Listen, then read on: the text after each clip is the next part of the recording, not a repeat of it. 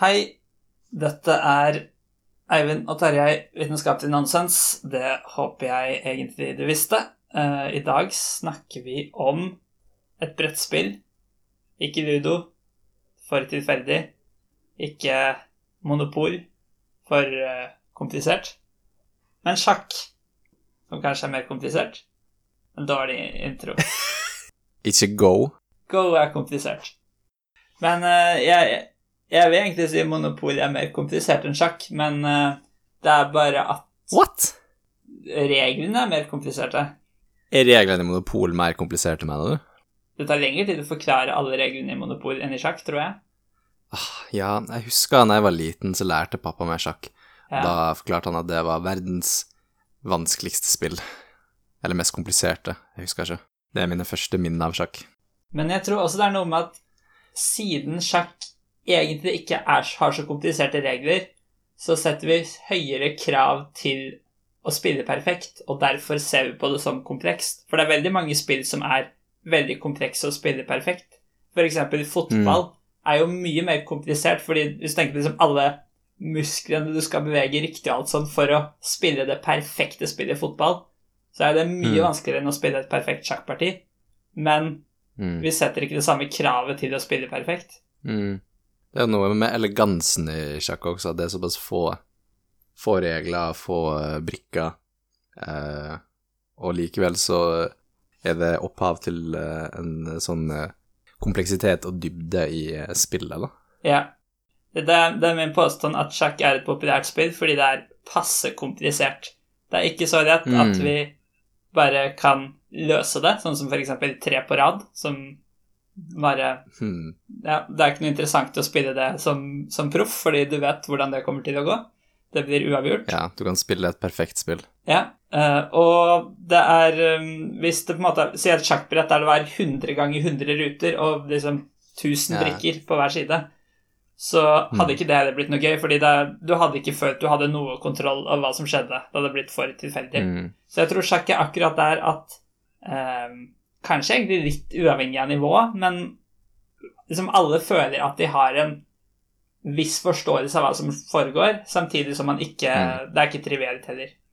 Mm. Og det tror jeg kanskje både gjelder eh, folk på våre nivå og, og på toppnivå. Mm. Bare at man har da relativ formening om hva som er å nesten forstå det, kanskje. Og hvordan tror du eh, sjakk ble designa? Var det noen som eh, tenkte ut disse reglene og veldig god til å, til å designe spill? Nei, det er jo et spørsmål. Jeg tror ingen helt vet hvor sjakk kommer fra. Eh, noen mener jo det kommer fra, fra aliens. Han, eh, han, han forrige presidenten i, i sjakkforbundet, eh, sjakkforbundet som heter Mm. FIDE, eh, han, eh, hva heter han da? Han, sånn, eh, han har et veldig langt navn. Kirsan Kirsan Ilyumshanov. Jeg måtte google det. Han påstår at han er blitt, uh, blitt hentet av aliens før, mens han var president. What? og lært sjakk? Eller var det urelatert? Uh, ja, det er jeg litt usikker på, men uh, han mente det oppriktig. Sier kanskje litt om det sjakkforbundet òg, da. Han satt som president sånn 30 år, eller noe sånt sikkert. Hæ. Men ja, noen mener kanskje det kommer fra den, ja, jeg vet ikke akkurat hvor, ja, den gamle India-områder, kanskje? Jeg har jo sett sånne tidligere varianter, mener jeg, da, der eksempel løperen kan gå bare én rute på skrå istedenfor langs hele diagonalen, og litt forskjellige sånne ting. Altså, det virka jo som det har eksistert veldig mange forskjellige varianter. Uh, og det er litt min teori at over tid så har det vært en sånn et naturlig utvalg der eh, de gode variantene og interessante variantene ble uh, videreført. Altså fordi spillet ble jo videreført ved at folk huska reglene og lærte nye generasjoner av reglene. Det er jo en sånn muntlig tradisjon, på en måte, fra mange hundre og tusen år tilbake i tid. Så at det på en måte har eh, Folk ikke har gidda å lært videre de spillene som har vært mindre interessante, da. Så det har vært en sånn eh, et naturlig utvalg. Mm. En evolusjonær eh, forklaring av, eh, av hvordan det spillet vi kjenner i dag, har vokst fram, og faktisk blitt såpass interessant som det har, da. Ja. Men jeg har også hørt en teori om at det var liksom en, en sånn tjener som lagde det til en prins, så han skulle lære at kongen ikke var god uten folket. Men det er Ja. kanskje mer en legende. Tror du man har funnet liksom den optimale varianten sjakk? Eller tror du det kunne vært morsommere hvis man bytta Mm. hvordan liksom, hesten og tårnet begynte? For å ta et dårlig eksempel, da, men liksom, er liksom ja. finjusterte reglene litt. Ikke sant. Ehm, det er et interessant spørsmål. Vi har jo prøvd litt det med sånn Fisher Random-type, der eh, oppsettet er tilfeldig på bakerste rad. Ja, Og det det virker jo ikke som det har så mye. Ja, Mm. Men det er likt for begge spillere. ja. Og det virker som det er så mye å si for, eh, for utfallet av spillet. Det virker litt som det er egentlig mye av det samme. Ja. Men eh, det er jo klart at det, For eksempel så har det vært snakket litt om å, å ikke tillate rokering på høyt nivå for å unngå så mange uavgjorte spill, Mm. og bare fjerne den regelen. Så det er en sånn interessant eh, variasjon som kanskje kunne ha gjort spillet litt mer interessant, i alle fall på høyt nivå. Hva tror du om det? Uh, ja, uh, det er et problem på høyt nivå at det blir veldig mye remis, altså uavgjort. Um, så, men jeg føler litt at det er ikke et så stort problem. Det blir liksom ikke bare remier, stort sett, da. Um, tror det nesten kan At du kan finne andre litt mindre eh, drastiske tiltak da, som kan funke like bra. F.eks. korte litt ned på tenketiden. Eh, kanskje At det ikke er lov å tilby remis. Kanskje bortsett fra sånn helt klart eh, remis-sluttspill. Hvordan blir det remis hvis du ikke kan tilby remis? Trekkgjentagelse?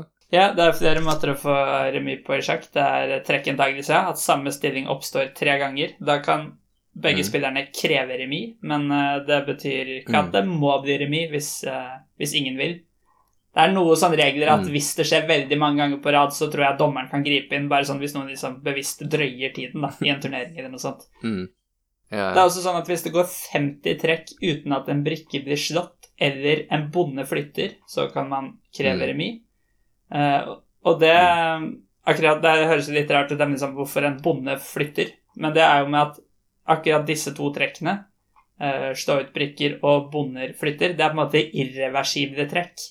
En bonde kan aldri Mm. gå tilbake igjen, og en slått brikke kan aldri komme utpå brettet igjen, og derfor så vil du på en måte Mm. da komme nærmere spillets slutt, mens alle andre trekk kan i Mm. teorien bare gå i sirkler. ja, det gir jo mening. Sånn sett kunne du egentlig tatt med rokade i den regelen òg, der kongen og tårnet bytter plass, for det er også Ja, et trekk som det er vel ikke sjeldent at man ikke har rokert så seint, eh, og man fortsatt har lov til å rokere. Ja, Det skal vel litt det til. er veldig liten andel av partiene der det, der det hadde blitt avgjørende for utfallet. Ja, for da, det, det høres veldig rart ut, for da er du ute i et sluttspill av et slag som er Som nærmer seg å bli remis, eh, og så har ikke en av spillerne flytta det ene tårnet sitt. Mm. det skal vel litt til. Ja, det det er sant. Rokade er jo kun lov eh, når verken kongen eller det tårnet du skal bytte plass på Bytte plass er litt feil, da, for de går ikke til akkurat hverandres plasser. Ingen av de må ha flytta, Mm. og kongen må ikke stå i sjakk. Og feltene kongen skal passere forbi, og feltet kongen lander på, kan heller ikke være truet av en motstanders brikke. Og det må ikke stå noen andre brikker på disse feltene.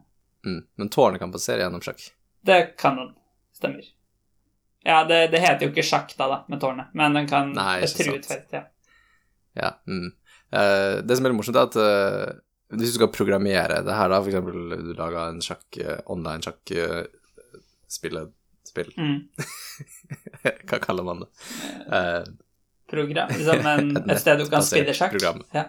Ja, det er vi frem til. Så, og du skal programmere disse reglene for når det er lov å rokere det. Så er ikke det helt rett frem å gjøre det, for det er jo alle disse reglene som du sier at uh, felta må være utrua, og kongen kan ikke ha flytta, Mm.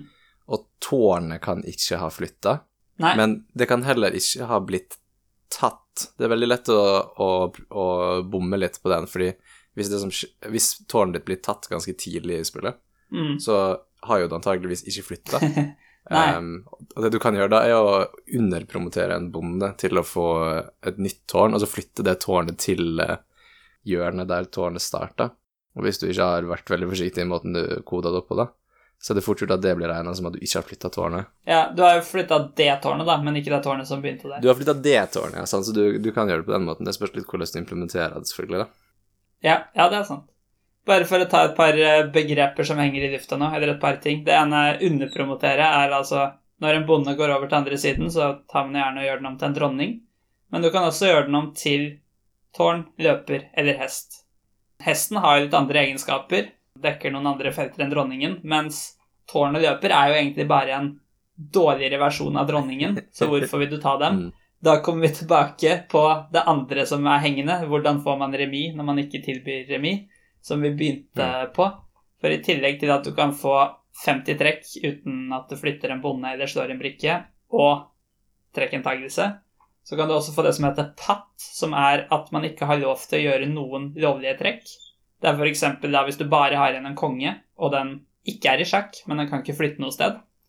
Og da kan det være situasjoner der det lønner seg å promotere til tårn eller løper, fordi de dekker færre felter og kan da gjøre at en konge som ellers ville vært tatt, kan bevege seg, Hmm. sånn at du selv kan sette sjakkmatt senere. Hmm. Uh, I tillegg kan det bli remis hvis man ikke har igjen nok materiell til å teoretisk kunne sette matt. F.eks. hvis begge har igjen hver sin konge, så bare blir det remis. Liksom, du driver ikke mm. bare flytter kongene rundt til dere blir enige da. Ja, det er jo 50-trekksreglene.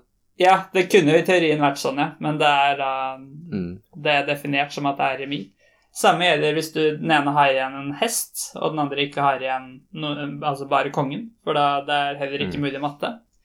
Og så kom det en regel for noen år siden, for før var det sånn det skulle teoretisk Hvis du kan teoretisk matte, så er det ikke over. Mm. Og et eksempel på det er jo eh, eksempel hvis en har igjen to hester, og den andre bare har igjen kongen. Mm. Det er teoretisk mulig å matte med, men den som skal bli Ja. matta, skal hjelpe til ganske mye, så i praksis så Ja, skjer det ikke. For du kan ikke tvinge Det går ikke an å tvinge fram en matt Nei. hvis motstanderen forsvarer perfekt.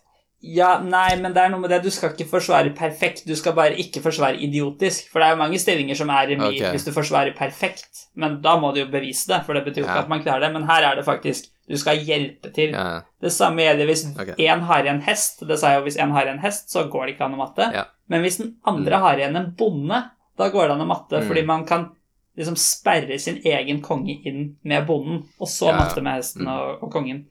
Eh, Det er, ja. det er da lik at det også da nå tror jeg defineres som remis, men ikke gjorde det før.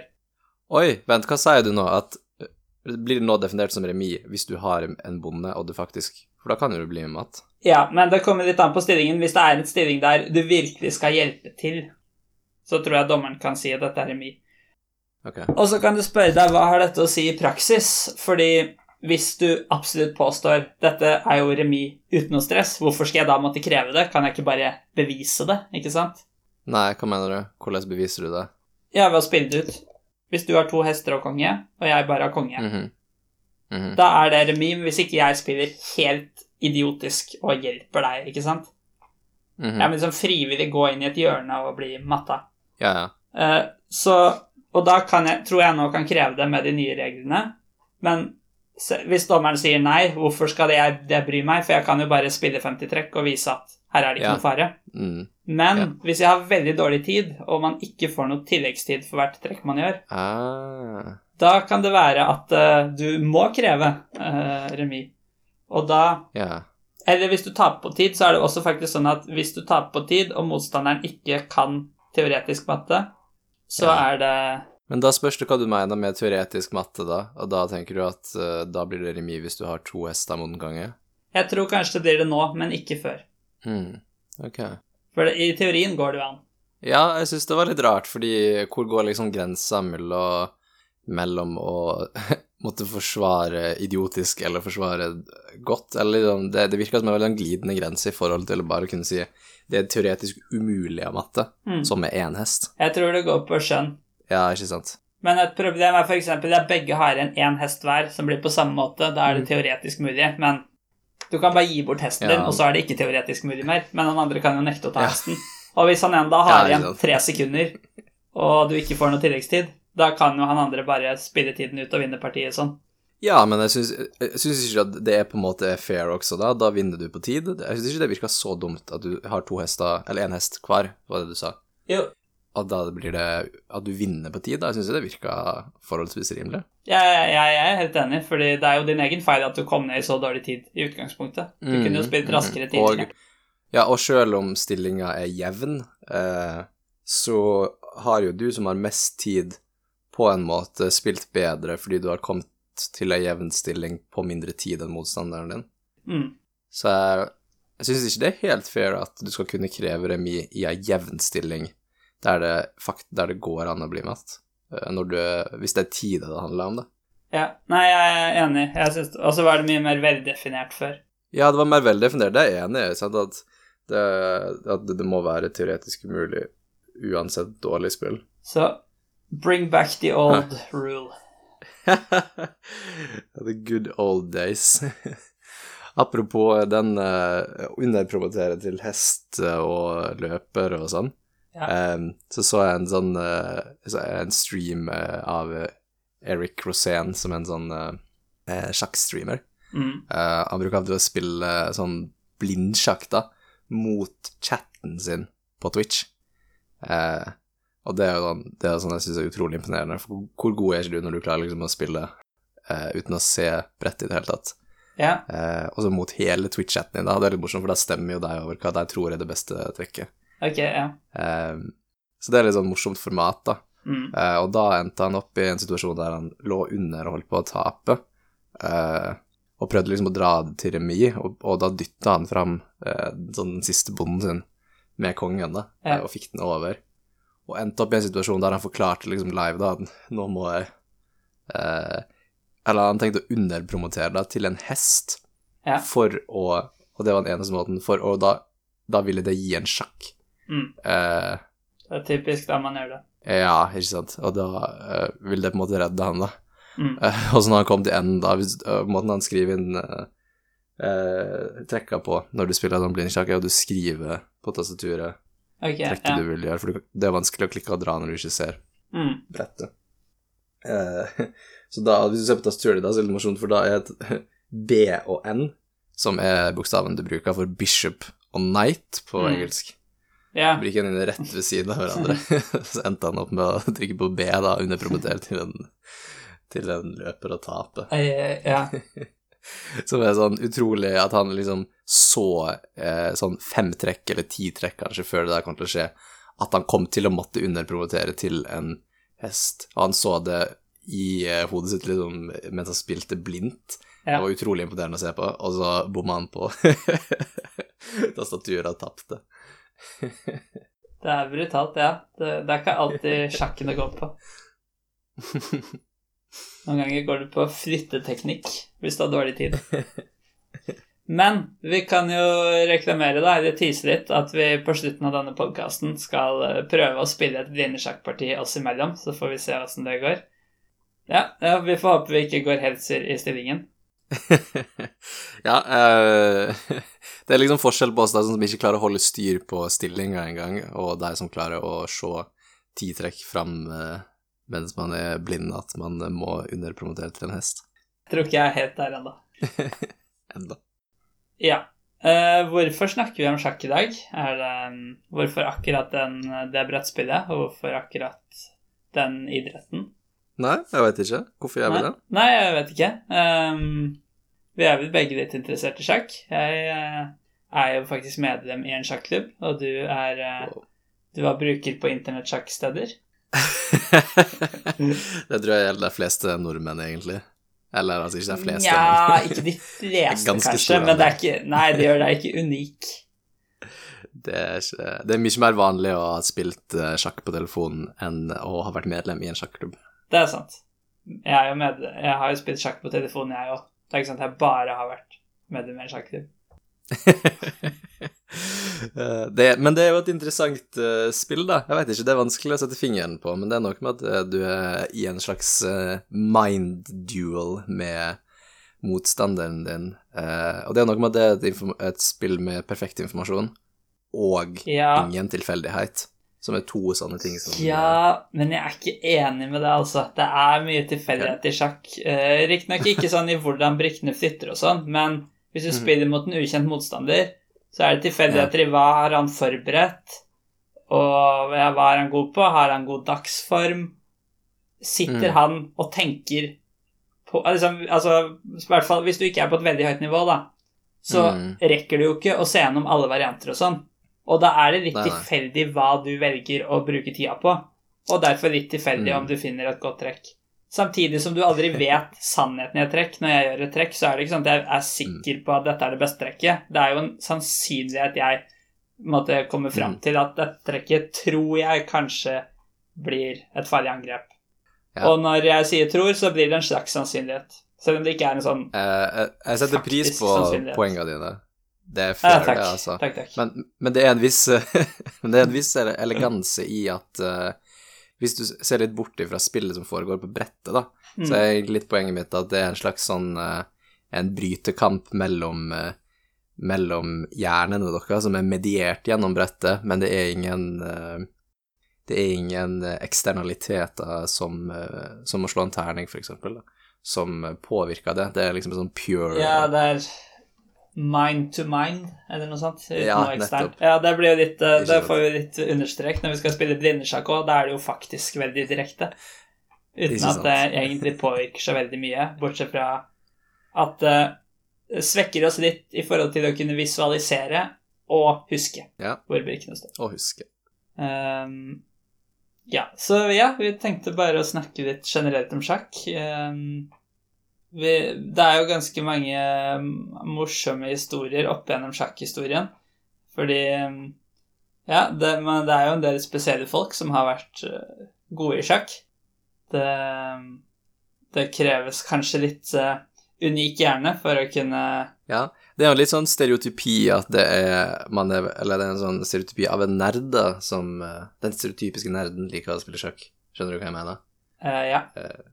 Hvorfor, hvorfor er det litt sånn? Det er ikke eh, Ja, nei, man liksom Man har gjerne briller da hvis man spiller sjakk. Ja, men det, ja, det tror jeg er en stereotypi, for å si det sånn. Fordi, fordi briller er et tegn på at du er en nerd, sånn i, i faktisk. På en måte.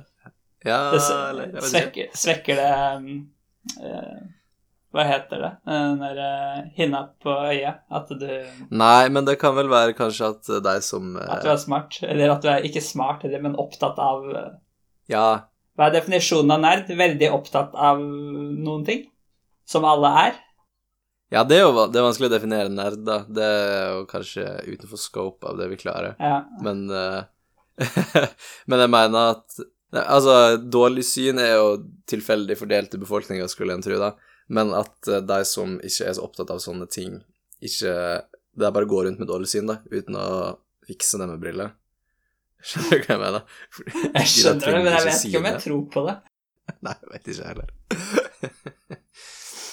Jeg vet ikke om det er så aktuelt i vårt samfunn heller, fordi de aller fleste har jo behov for å lese, om det er Ja. aviser eller på telefonen eller på jobb, Ja. selv om man ikke er en stereotypisk nerd. da. Ja, kanskje det er, ja, kanskje det er litt mer før, for da gadd ikke andre folk å lese. Men da tror- føler jeg kanskje vi må litt langt tilbake i tid. Ja, ja, Ah, det, ikke hvor det var jo mye sånn, mer sånn fysiske jobber for ikke så lenge siden, da, da du kanskje ikke trengte å lese så mye, nei.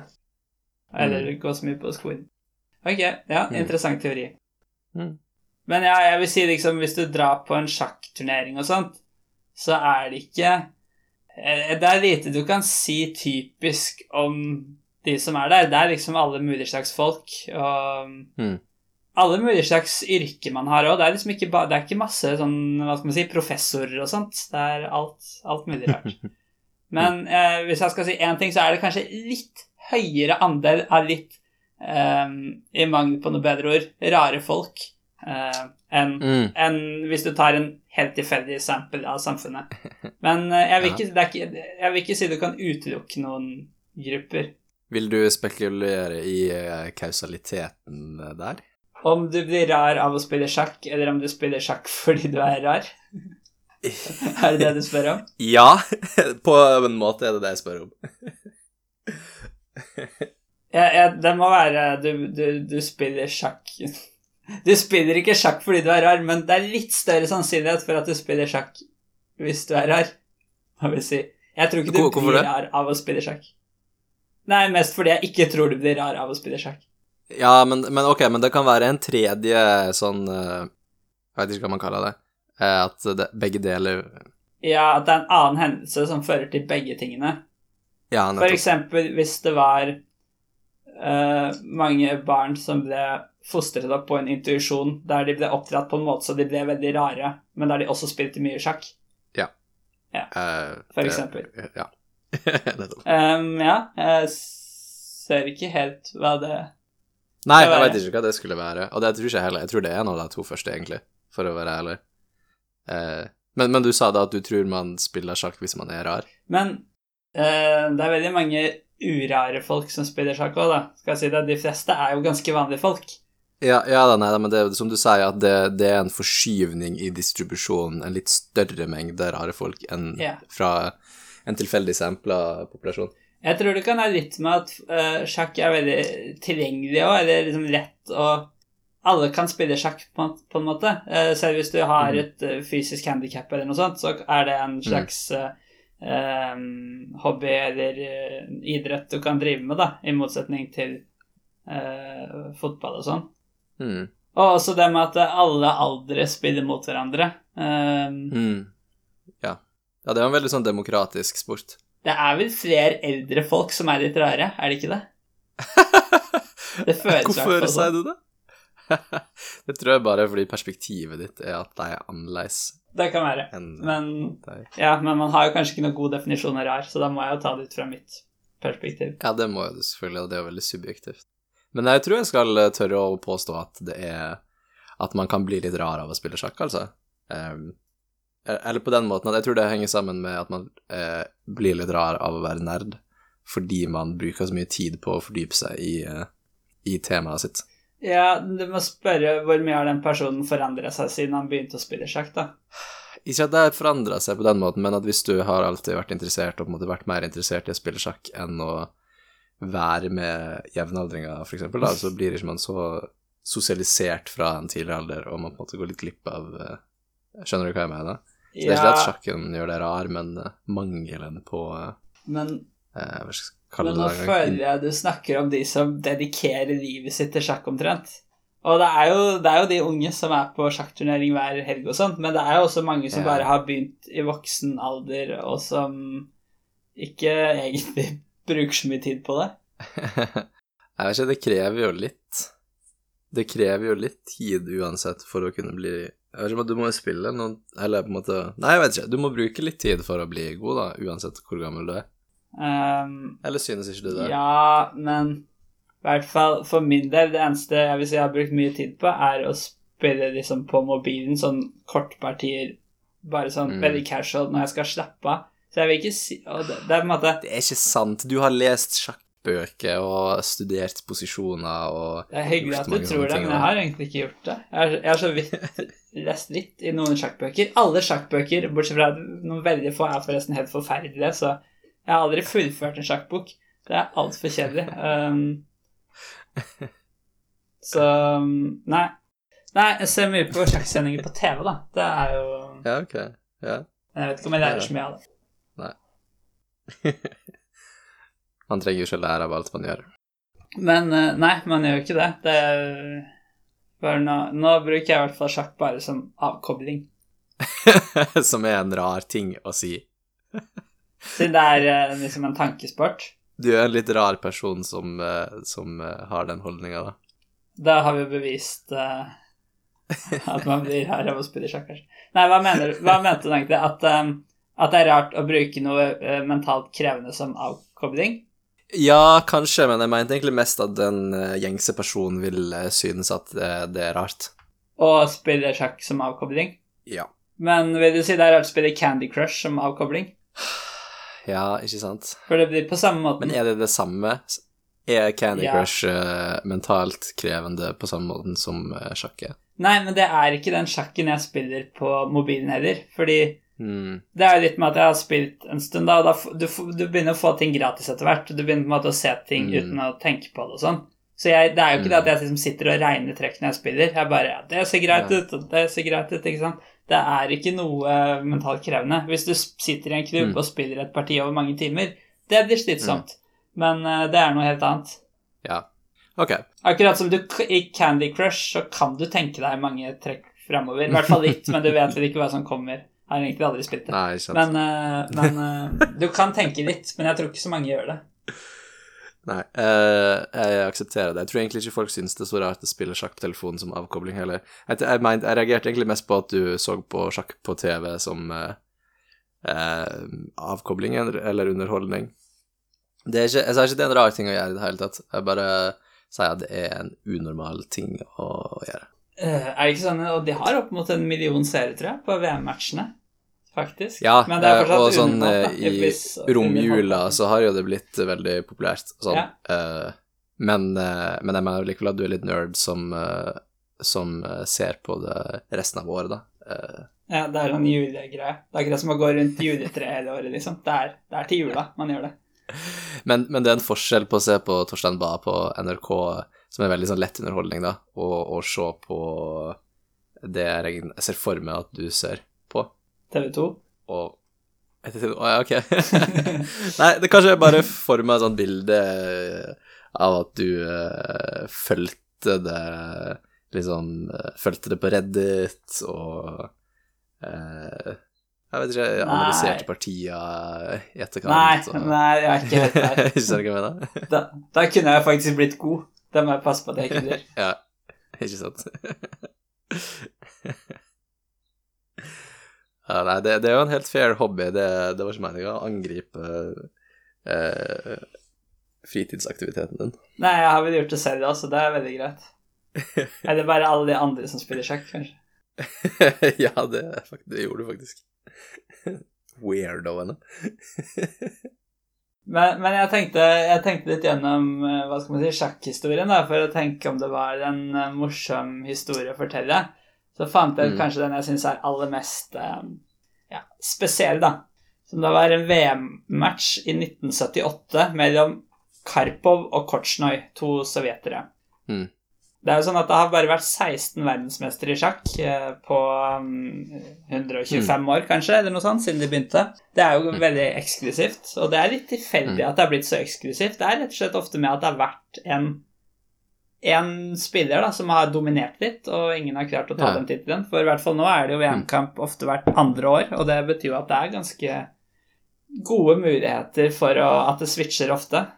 Mm. Det Ja, altså- det kunne jo vært veldig mange flere, dobbelt så mange iallfall. Mm. på den var, tida. nå var VM-matchene mye sjeldnere før, da. I hvert fall sånn i perioder. Okay, ja. Men det, det, det er litt sånn Jeg syns det er litt bra, da, at det er litt eksklusivt.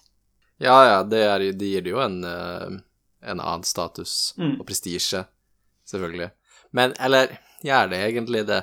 Altså, det høres mer eksklusivt ut å være én av 16 Mm. i stedet for én av 60, Ja. men, uh, men det hadde jo vært like mange VM-kamp eller VM som hadde blitt spilt. Så jeg vet, hadde det egentlig vært mer eksklusivt? Jeg vil si det.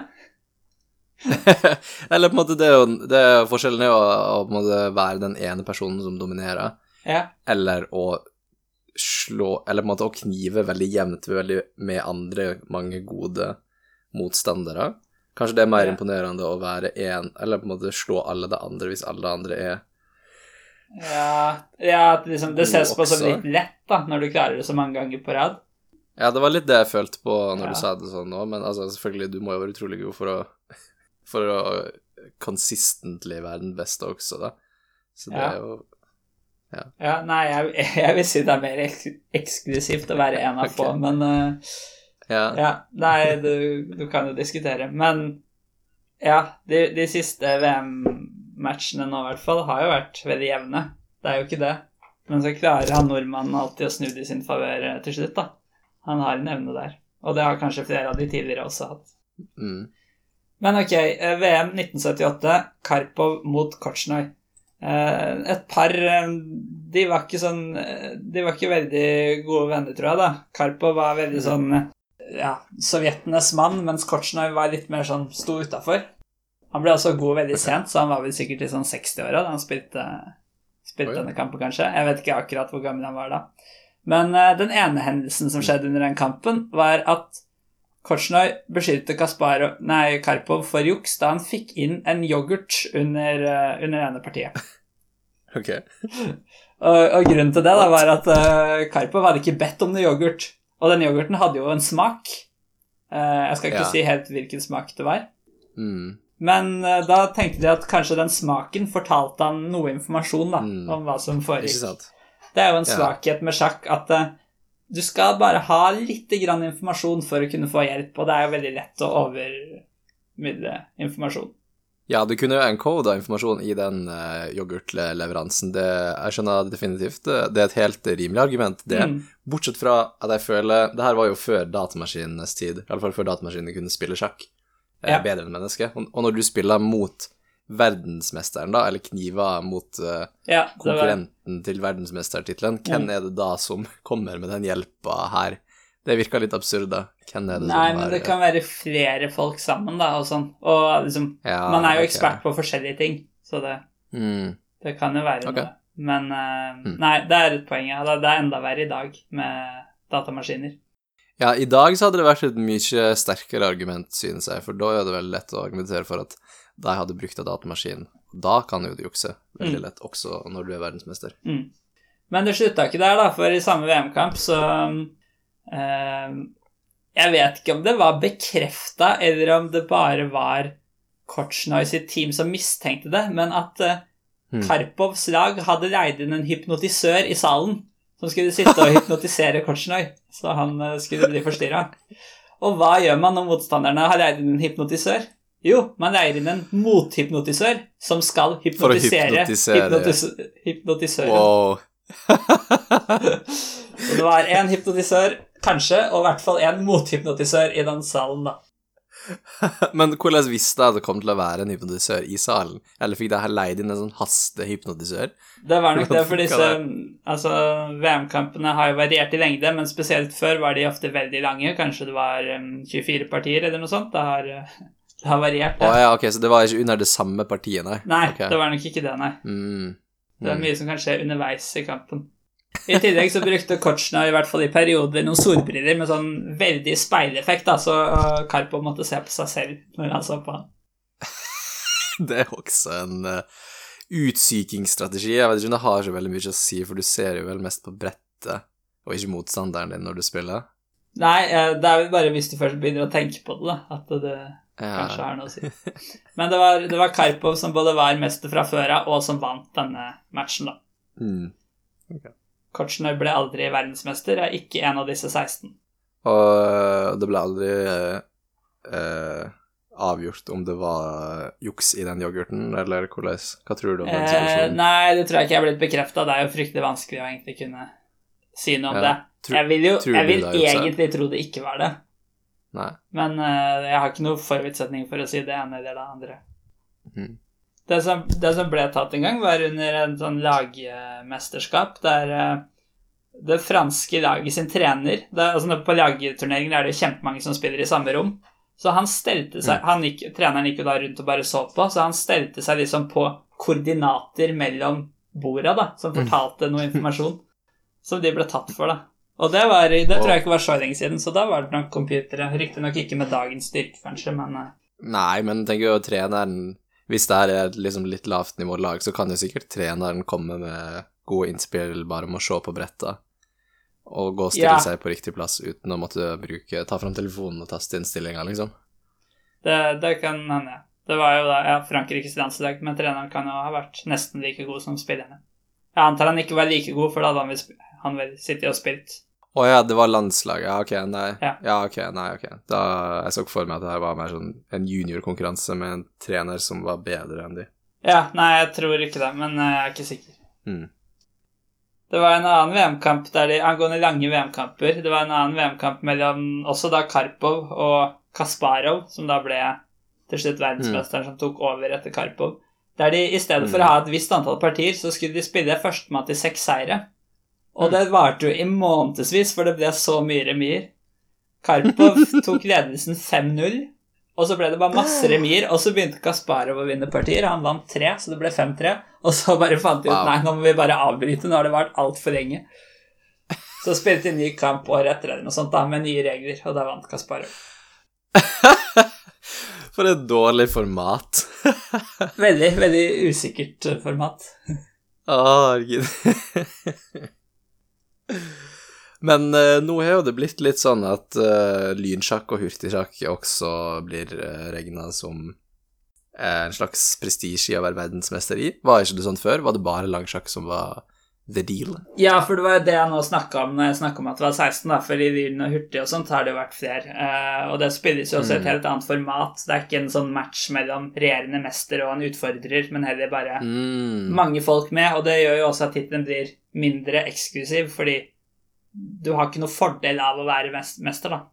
Nei, så det er flere som Du mener er mindre eksklusive i den forstand at det er flere som har vært Ja, Hatt det er lettere å, å Regjerende mester har jo på en måte 50 sjanse, da, hvis du ser bort fra alt annet, for å vinne tittelen Ja. også neste gang, siden han er én og to som får være med.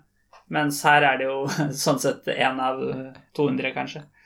Det virker jo som det gjør det mer fair, spør du meg, da, at eh, du ikke har en fordel av å være mester.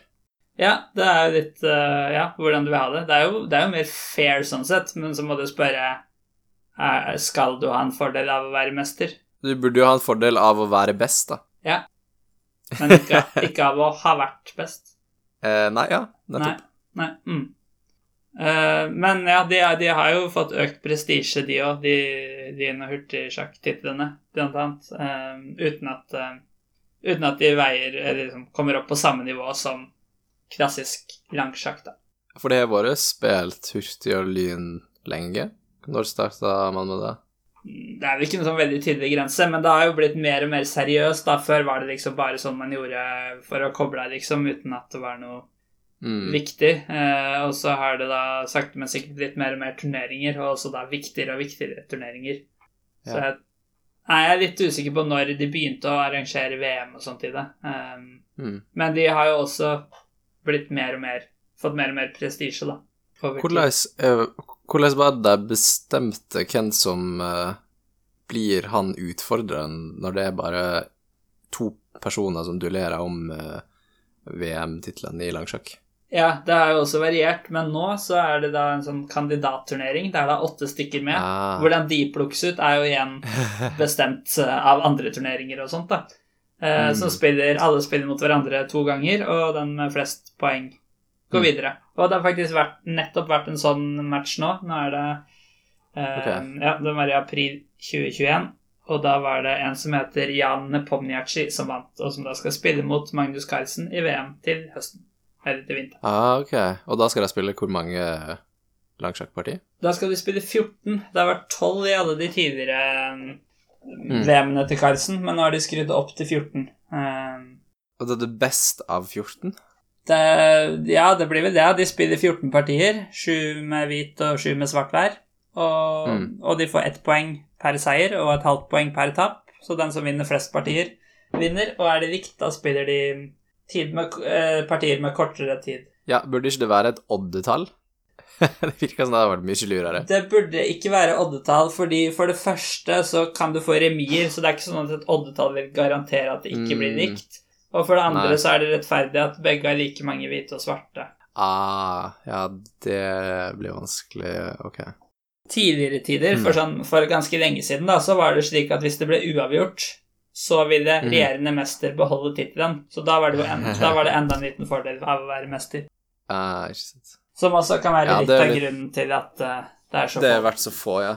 Ja, det, og det er jo litt vanskelig å Syns du det er litt sånn å spille Hva var det du sa, hurtigsjakk for å avgjøre det, er litt sånn stupid, for da gjør ikke du langsjakk-verdensmester. Da Nei. er det noe kom kombinert. Mm. Men jeg tror det er litt med hvordan du ser på det, for nå som de har begynt med VM i hurtigsjakk og vinsjakk og sånn, så kan du si Mm. at ja, det mesterskapet burde være langsjakk. Men egentlig er jo det bare VM i sjakk, og så er det de andre som Ja. er spesialvarianter. Så sånn sett kan du jo si at kanskje de egentlig burde hatt litt av alt i den turneringen, da. Fordi Ja, for da kaller ikke det langsjakk, det kaller det bare sjakk-VM. ja, jeg tror det. Det er det som er Hvis du skal liksom peke på ett sjakk-VM, så er det det. Hvor lenge er det der spiller langsjakk? Er det Hva er tidskontrollen? Ja, det varierer, men eh, sånn i snitt kanskje rundt eh, to timer per spiller som du har til disposisjon. Eh, du har en sånn Mm. klokke sånn at du bytter den som er i trekket sin tid, teller nedover. Mm. Og i tillegg så er det kanskje vanlig at du f.eks. da får et halvt minutt per trekk du gjør, da, som bare er for å hindre litt det vi snakka om i stad, sånn når begge har igjen en hest hver, at du Mm. ikke skal gå ut på tid, men at du, liksom, du har alltid litt tid, da. Hurtigsjakk er som regel alt mellom sånn, ja, ti minutter til en time, men det vanligste er kanskje at du har sånn ca. et kvarter hver, og så kanskje får du ti sekunder per trekk. Lynsjakk er vel da alt under ti minutter. Um, Mm. vanligste er at du har tre minutter på hele partiet og får to sekunder per trekk. Jeg har en sånn morsom fact om eh, tilleggstider. Ja, Jeg vet ikke om den er sann, men den er litt morsom. det, det er ikke det viktigste i denne podkasten. Nei, det er sant. Men okay, det er ikke morsom, den er interessant, da. Okay. Og det, er- det, er vi, det er måten det funker på som vi kjenner det best i dag, iallfall det jeg er mest, mest vant med, Mm. er jo at du får tilleggstid per trekk. Yeah. Sånn at du får lagt til uh, en fast sum for hvert uh, En fast sum, en fast, uh, fast antall sekund for hvert trekk du gjør. ja, det er det som heter det blir Fisher. Ja, Ja. Fischer-kontroll. For hva, hva er den andre varianten? Det er tre forskjellige. Det er en som heter delay, som er at mm. du, du får aldri mer tid enn det du har brukt på trekk. Så hvis jeg har igjen mm. 40 sekunder, Mhm. og du har 30 sekunder delay, og jeg bruker Mhm. 35, da vil jeg få 30. Men hvis jeg bare bruker 20, da vil jeg bare få 20. Og det gjør at du aldri Ja. kan bygge deg opp tid igjen, da. Mm. Og så er det en annen som heter uh, Bronstein, tror jeg, som er veldig lik delay. Det er noe variant, uh, forskjell der, men jeg vet ikke helt Jeg husker ikke helt hva det er. Ja, og det er det jeg syns er så rart, fordi uh, Fischer-varianten virka så naturlig, men likevel så var det noe han introduserte forholdsvis nylig. Og da er spørsmålet hva gjorde jeg før det? Og det var jo det du forklarte med delay. Men det som er litt morsomt med det, er at For jeg har alltid tenkt på det på en sånn veldig komplisert måte, at det virker så mye mer naturlig å legge til ti sekunder for hvert trekk Mm. enn enn å skulle legge til eh, så lenge som du venta, men maks ti sekunder, hvis det er ti sekunds eh, tilleggsdelay. Ja. Eh, som en sånn veldig sånn komplisert måte å tenke på det på. Ja. Men, men hvis du bare vrir litt på perspektivet ditt og tenker på det på en annen måte, så innser du at delay er jo egentlig den mest naturlige, og jeg skjønner hvorfor det var det som var vanlig før. Fordi måten man tenkte på det på, var jo at du pausa klokka i maks ti sekunder. Og hvis Ja, du venta lenger enn ti sekunder, så begynte klokka å gå igjen. Og Ja. da blir det plutselig en enklere måte å tenke på det på enn eh, Fisher-tilleggstida. Mm. Så det er sånn morsomt da, Ja. at det er to, to forskjellige måter å tenke på den samme tingen på, som er veldig komplisert eller veldig enkelt. Og grunnen til at man gjorde det før, var at da brukte man analoge klokker, og da er det ikke så lett å legge til. Mm. Da er det kanskje lettere å implementere det. Ja, men det er også bare enklere å tenke på da, at du pauser klokka. Det er en veldig naturlig ting å tenke på. det. Eh, og i tillegg så tror jeg ikke man har brukt så mye tilleggstid før heller. Det er også bare Hele konseptet med tilleggstid har også blitt mer vanlig, tror jeg. Mm, så da bare gikk klokka hele tida, altså gikk tom for tid etter fire yeah. timer til sammen, da, hvis begge spillerne hadde to? Det kunne skje da. Mm. Hmm. Ehm, grunnen til at man ikke bare pauser tiden nå på en moderne digital klokke, men faktisk legger til maks 30 sekunder, det er jo bare så du skal kunne se hvor mye av den de første 30 sekundene du har brukt. Ah, ok, så da måten det funka på, så går klokka likevel, og så går den opp igjen med maks 30 Ja. sekunder? Ja, nettopp. Ah, okay. Men det, det, det, det eneste forskjellen er jo hva du visuelt ser. Sånn at du faktisk har kontroll. Nå har jeg faktisk brukt 28 av de 30 sekundene, så nå begynner klokka straks å gå. Ah, ok. Eh, ja, er det noe mer uh, du vil gjennomgå? Nei? Eh. nei. Hvordan, hvordan blir god i sjakk? Ja. Uh, hvordan blir man god i sjakk? Det veit jo du. Jeg har ikke noe svar på det. Ja, det er som jeg pleier å si, å være god er å være litt bedre enn man er nå, så ingen er gode i sjakk. Men uh, What? jeg føler det er noe i det. Jeg tror kanskje jeg snakket om det før, jeg vet ikke. At liksom, alle ser på seg selv som ikke helt gode enda, men hvis jeg blir litt bedre, da blir jeg god. De som er litt bedre enn meg nå, er gode. Ja, og de som altså, er litt dårligere enn deg, er bare ubrukelige. Um, det, det er dine ord. Hvordan tror du Magnus føler det, da? Han, uh, føler han seg uh, ikke helt god ennå? Nei, jeg tror altså, altså, det kommer an på hvordan du spør. Hvis du spør sånn i forhold til andre folk, er du god, så svarer han jo ja. Men hvis Ja. du spør han mer, føler du på en måte at du mestrer sjakk, da, kanskje, så sier han liksom kanskje ikke helt, liksom, men eh, liksom, jeg har fortsatt ting jeg kan gjøre, da. Ja, og det er jo klart, for man blir jo ikke utlært. Eh, da hadde jo sjakk vært et for enkelt spill. Ja, det er sant. Eller, ja ja, hvis én person hadde klart å bli ut- blitt utlært, så det hadde det kanskje ikke vært altfor enkelt. Jeg kan uansett si hva jeg mener skal til for å bli god i sjakk, uten at jeg, Ja, uten at jeg egentlig følger noe av det nå. Men uh, jeg tror jeg vet hvordan man blir god, jeg bare gidder ikke å bli god. Ja, ikke sant, gjør som jeg sier, Ja. ikke som jeg gjør. Du må, du må selvfølgelig spille sjakk, men det er ikke det viktigste å spille sjakk. når du spiller sjakk, så burde du spille partier som er litt lange, ikke bare sånn Mm. korte treminutterspartier på internett, som jeg eksklusivt gjør.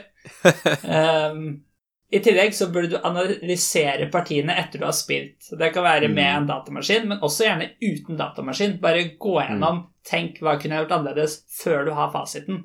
Så Mm. Tenk mye på partiet.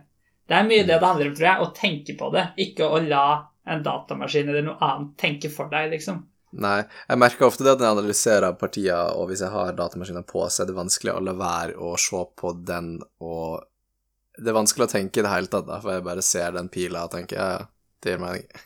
Ja. Men det, det gjør jo ikke egentlig det. Så jeg tror det er lurt å skru av eh, motoren. Jeg tror det. Helt enig. Du kan eventuelt se over til slutt, men jeg tror faktisk ikke det er det viktigste heller. Nei. For det viktigste er bare å ja, lage masse um, hva skal man si, nevrale baner i hjernen eh, Mm. som er sjakktemaer. Og så, ja, analyser partiene et, hvis du har tapt, da. Det er ikke alltid så gøy, men det er litt lurt. nei. uh, I tillegg så burde man gjøre sånne oppgaver, sånn der for eksempel sånn på enkeltnivå, da. Mm. Finn matt i ett trekk, og så kommer du på høyere nivå der det er Finn trekket som forserer remis i 17 trekk, liksom. Litt overdrevet. Men eh, Mm, eh, ja. Mm. Og så, ja, så kan du sikkert lese litt sjakkbøker, selv om det ikke finnes noen bra sjakkbøker. Så kanskje ikke så mye. Videoer, kanskje litt, men eh, jeg tror ikke det er det beste, egentlig, fordi Hva type videoer? av folk som forklarer åpningsteori, eller forklarer Ja. sluttspill, eller Jeg tror i hvert fall du skal være rimelig aktiv når du ser på disse videoene i så fall. Ikke bare sitte og se på det, liksom. Du må tenke ordentlig selv. mm. Gjerne pause videoen sikkert og se på det selv. Jeg har egentlig aldri sett noe særlig på det, så Nei. Ja. Uh, ja, er det noe mer man kan gjøre? Ha det gøy. Det er jo lurt. Nei, det er vel ingen snarvei, da, det du ser, for å Nei. Spill 10 000 partier, er det ikke det? Mm. Det er urettferdig, fordi man sier jo sånn du må ha 10 000 timer for å bli god. Men i Ja. sjakk så sier man 10 000 partier, og hvis det er langsjakk, oh, ja. så, tar, så tar jo det mye mer enn Hvis det går Ja. lynsjakk, går det jo fort, men jeg tror ikke det er det du må snakke om. Ja, det har jeg aldri, aldri hørt, men uh, Jeg har aldri hørt om det i sjakk. Men det gir jo mening. Uh, at 10 000 er et stort tall, det er jo det. det, er, det, er, det er det som er viktigst. Og at det er et rundt tall i titallssystemet. Og da er det tilfeldigvis akkurat da du blir god. Det hadde vært mye rettere hvis vi f.eks. brukte nitallssystemet, for da hadde sikkert stått med 9000. Tror du ikke det? Uh, ja, for er det 9000 som hadde blitt eh, Jeg er ikke overbevist om at 9000 hadde vært et eh, så rundt Er det det rundetallet som tilsvarer 10 000 i nitallssystemet? Nei, det er kanskje ikke det. Fordi Nei, for det ser det heller sånn ni, 1024 ni ganger ni ganger ni mange ganger. Ikke sant? Ja. Ja, ja, ja. Så det blir enda mindre, da. Det er poenget. Det er sånn eh, 6500, tror jeg. Å ja? ok. Liksom 81 Ja. ganger 81. Ja, ok, ok. Du du er der. 6561, kanskje. Hoderegning, ass. My great enemy. Eh, du får trene på det. 10 000 timer. Hvordan er det, hvordan er det datamaskiner er gode i sjakk, da? For de er jo mye bedre enn mennesker. Ja, det kan vi nevne, nevne ja. Um, vi har vel egentlig snakka en del om det før, tror jeg, når vi hadde om AI og sånt, men uh, Ja. hovedsakelig to typer datamaskinteknikker som blir gode. Ene er det som f.eks. Stockfish er, det er den mest kjente av den ene typen, som Mm. er rett og slett noe som Altså, prinsippet er vi regner ut alle varianter og finner ut hva som er best. Men så finner man ut Det tar altfor lang tid å regne ut alle varianter, så da sier man i stedet vi regner en del varianter, altså, eller du regner alle varianter, men bare en viss dybde, og så sier du stopp. F.eks. vi ser 16 trekk fremover i hver variant, så blir det Mhm. fryktelig mange varianter. Um, og så sier du da nå må vi evaluere denne stillingen mm. uten å regne videre. Og det gjør man da på Ja. en sånn heuristic, som da er Ok, du har dobla tårn, altså tårn i samme linje, det er bra. Du har isolerte bønder, spredde bønder, det er dårlig. Kongen din er Mm. litt utsatt, du har mulighet til å rokere, det er bra. Liksom. Alt sånt, da. Mm. Um, Og det er sånn- bare basert på eh, hva mennesket har tenkt seg fram til sikkert burde være bra. Det var i hvert fall det før. Jeg tror de siste åra har det gått litt mer over til at nevrale nett lager denne Ah. heuristikken. Men det kan jeg ikke så mye om. Men uh, jeg tror det går litt i den retningen. Ja, det er en litt sånn morsom kombinasjon, da. Mm. Hmm. Du kan jo spørre hvorfor Når man uansett skal bruke denne heuristikken om 16 trekk, hvorfor kan vi ikke bare bruke den på stillingen her og nå? Ja. Og det er rett og slett fordi selv om den er god til å evaluere noen ting, så er den ikke god til å evaluere sånn konkrete varianter. Eksempel, jeg slått dronningen din. Du kan ikke slå tilbake dronningen min. Kjempebra for meg. Det tror jeg ikke Ja. de klarer å se så bra. For de ser mer på sånn prinsipper, da. Men er ikke det sånn eh, disse andre variantene, eller andre motorene, som eh, er Som ikke er regnebasert, eller som er Hva skal jeg kalle det? Alfa, alfa Zero, Ja. for eksempel? Da? Ja. Er ikke det sånn de funker, at de bare er nevrale nettverk på posisjonen? Jo, jeg har kunnet litt om dette, men eh, jeg må si jeg har glemt en del av det. um, hvordan de funker nøyaktig. Men uh, det, du kan vel si det litt, ja. Men de har jo da mye bedre slike nevralnett, da. Fordi de spiller jo partier mot seg selv for å trene seg opp. Mm. Så de Ja. regner ikke på samme måten konkret fremover, men uh. Jeg husker veldig lite av de detaljene om hvordan dette egentlig funker, men prinsippet er at de spiller partier mot seg selv, og Mm. basert på resultatet så endrer de på sitt nevrale nett. Sånn at Mm. eh, de liksom Ok, de trekkene Hvis hvit slo svart da, når de spilte mot seg selv, så tenker jeg Mm. liksom Det hvite gjorde her, det må jo ha vært noe bra, i hvert fall totalt sett, siden det vant. Mm. Mens det Mm. svarte gjorde, var dårlig fordi det tapte. Det kan jo Mm. være enkelttrekk som er motsatt, men i snitt så var det noe bra med det. Og så gjør han det kjempemange ganger og blir da bedre. Men det er rart at det går. Ja, det er rart at det går. Men det er jo sånn mennesket også har lært sjakk, på en måte. Jo, det, det er jo et poeng, det. Men eh, hjernen vår har fortsatt utrolig mye mer kapasitet enn de sterkeste datamaskinene, tror jeg. Ok, tror du det? Tro, eh, jeg trodde det. Spørs hva du mener med kapasitet, da, men det er jo klart disse Alfa Zero sånn har jo spilt milliarder av parti, og det er jo mye mer enn et menneske noen gang kan håpe på Ja, det er sant. å spille eller studere. Men sånn som størrelsen på det nevrale nettverket du faktisk trener og sånn, trodde jeg var mye Mm. større i et menneske.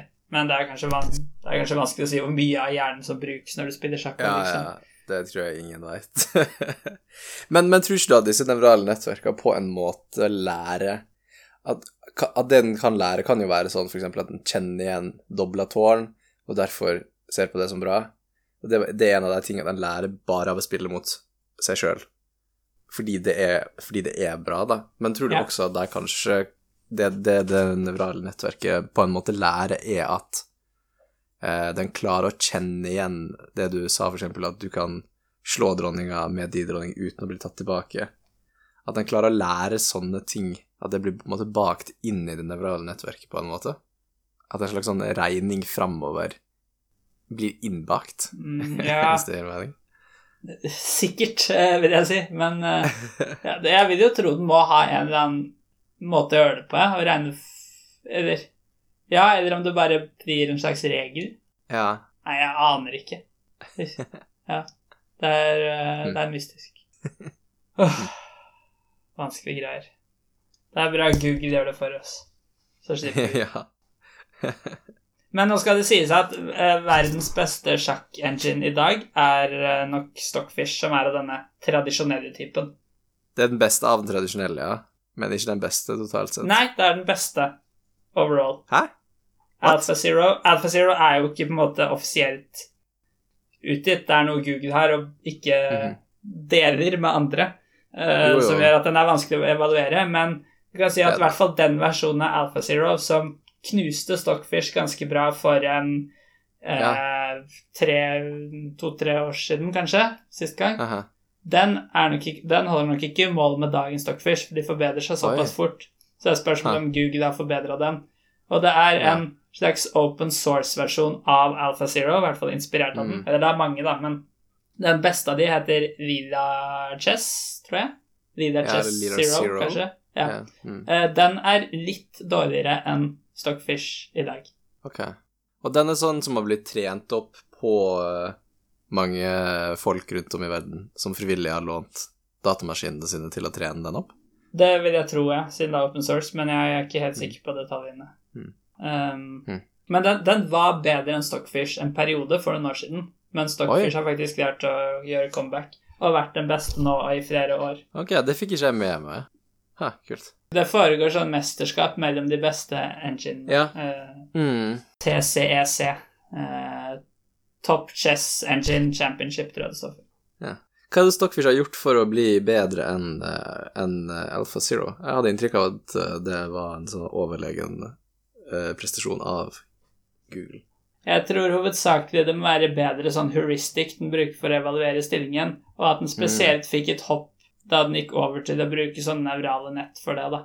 Ja, ikke sant? Uh, men det, det skal sies, den gjorde på en måte comeback og slo Lila Chess før den gikk over til å bruke nevrale nett, så det var ikke det.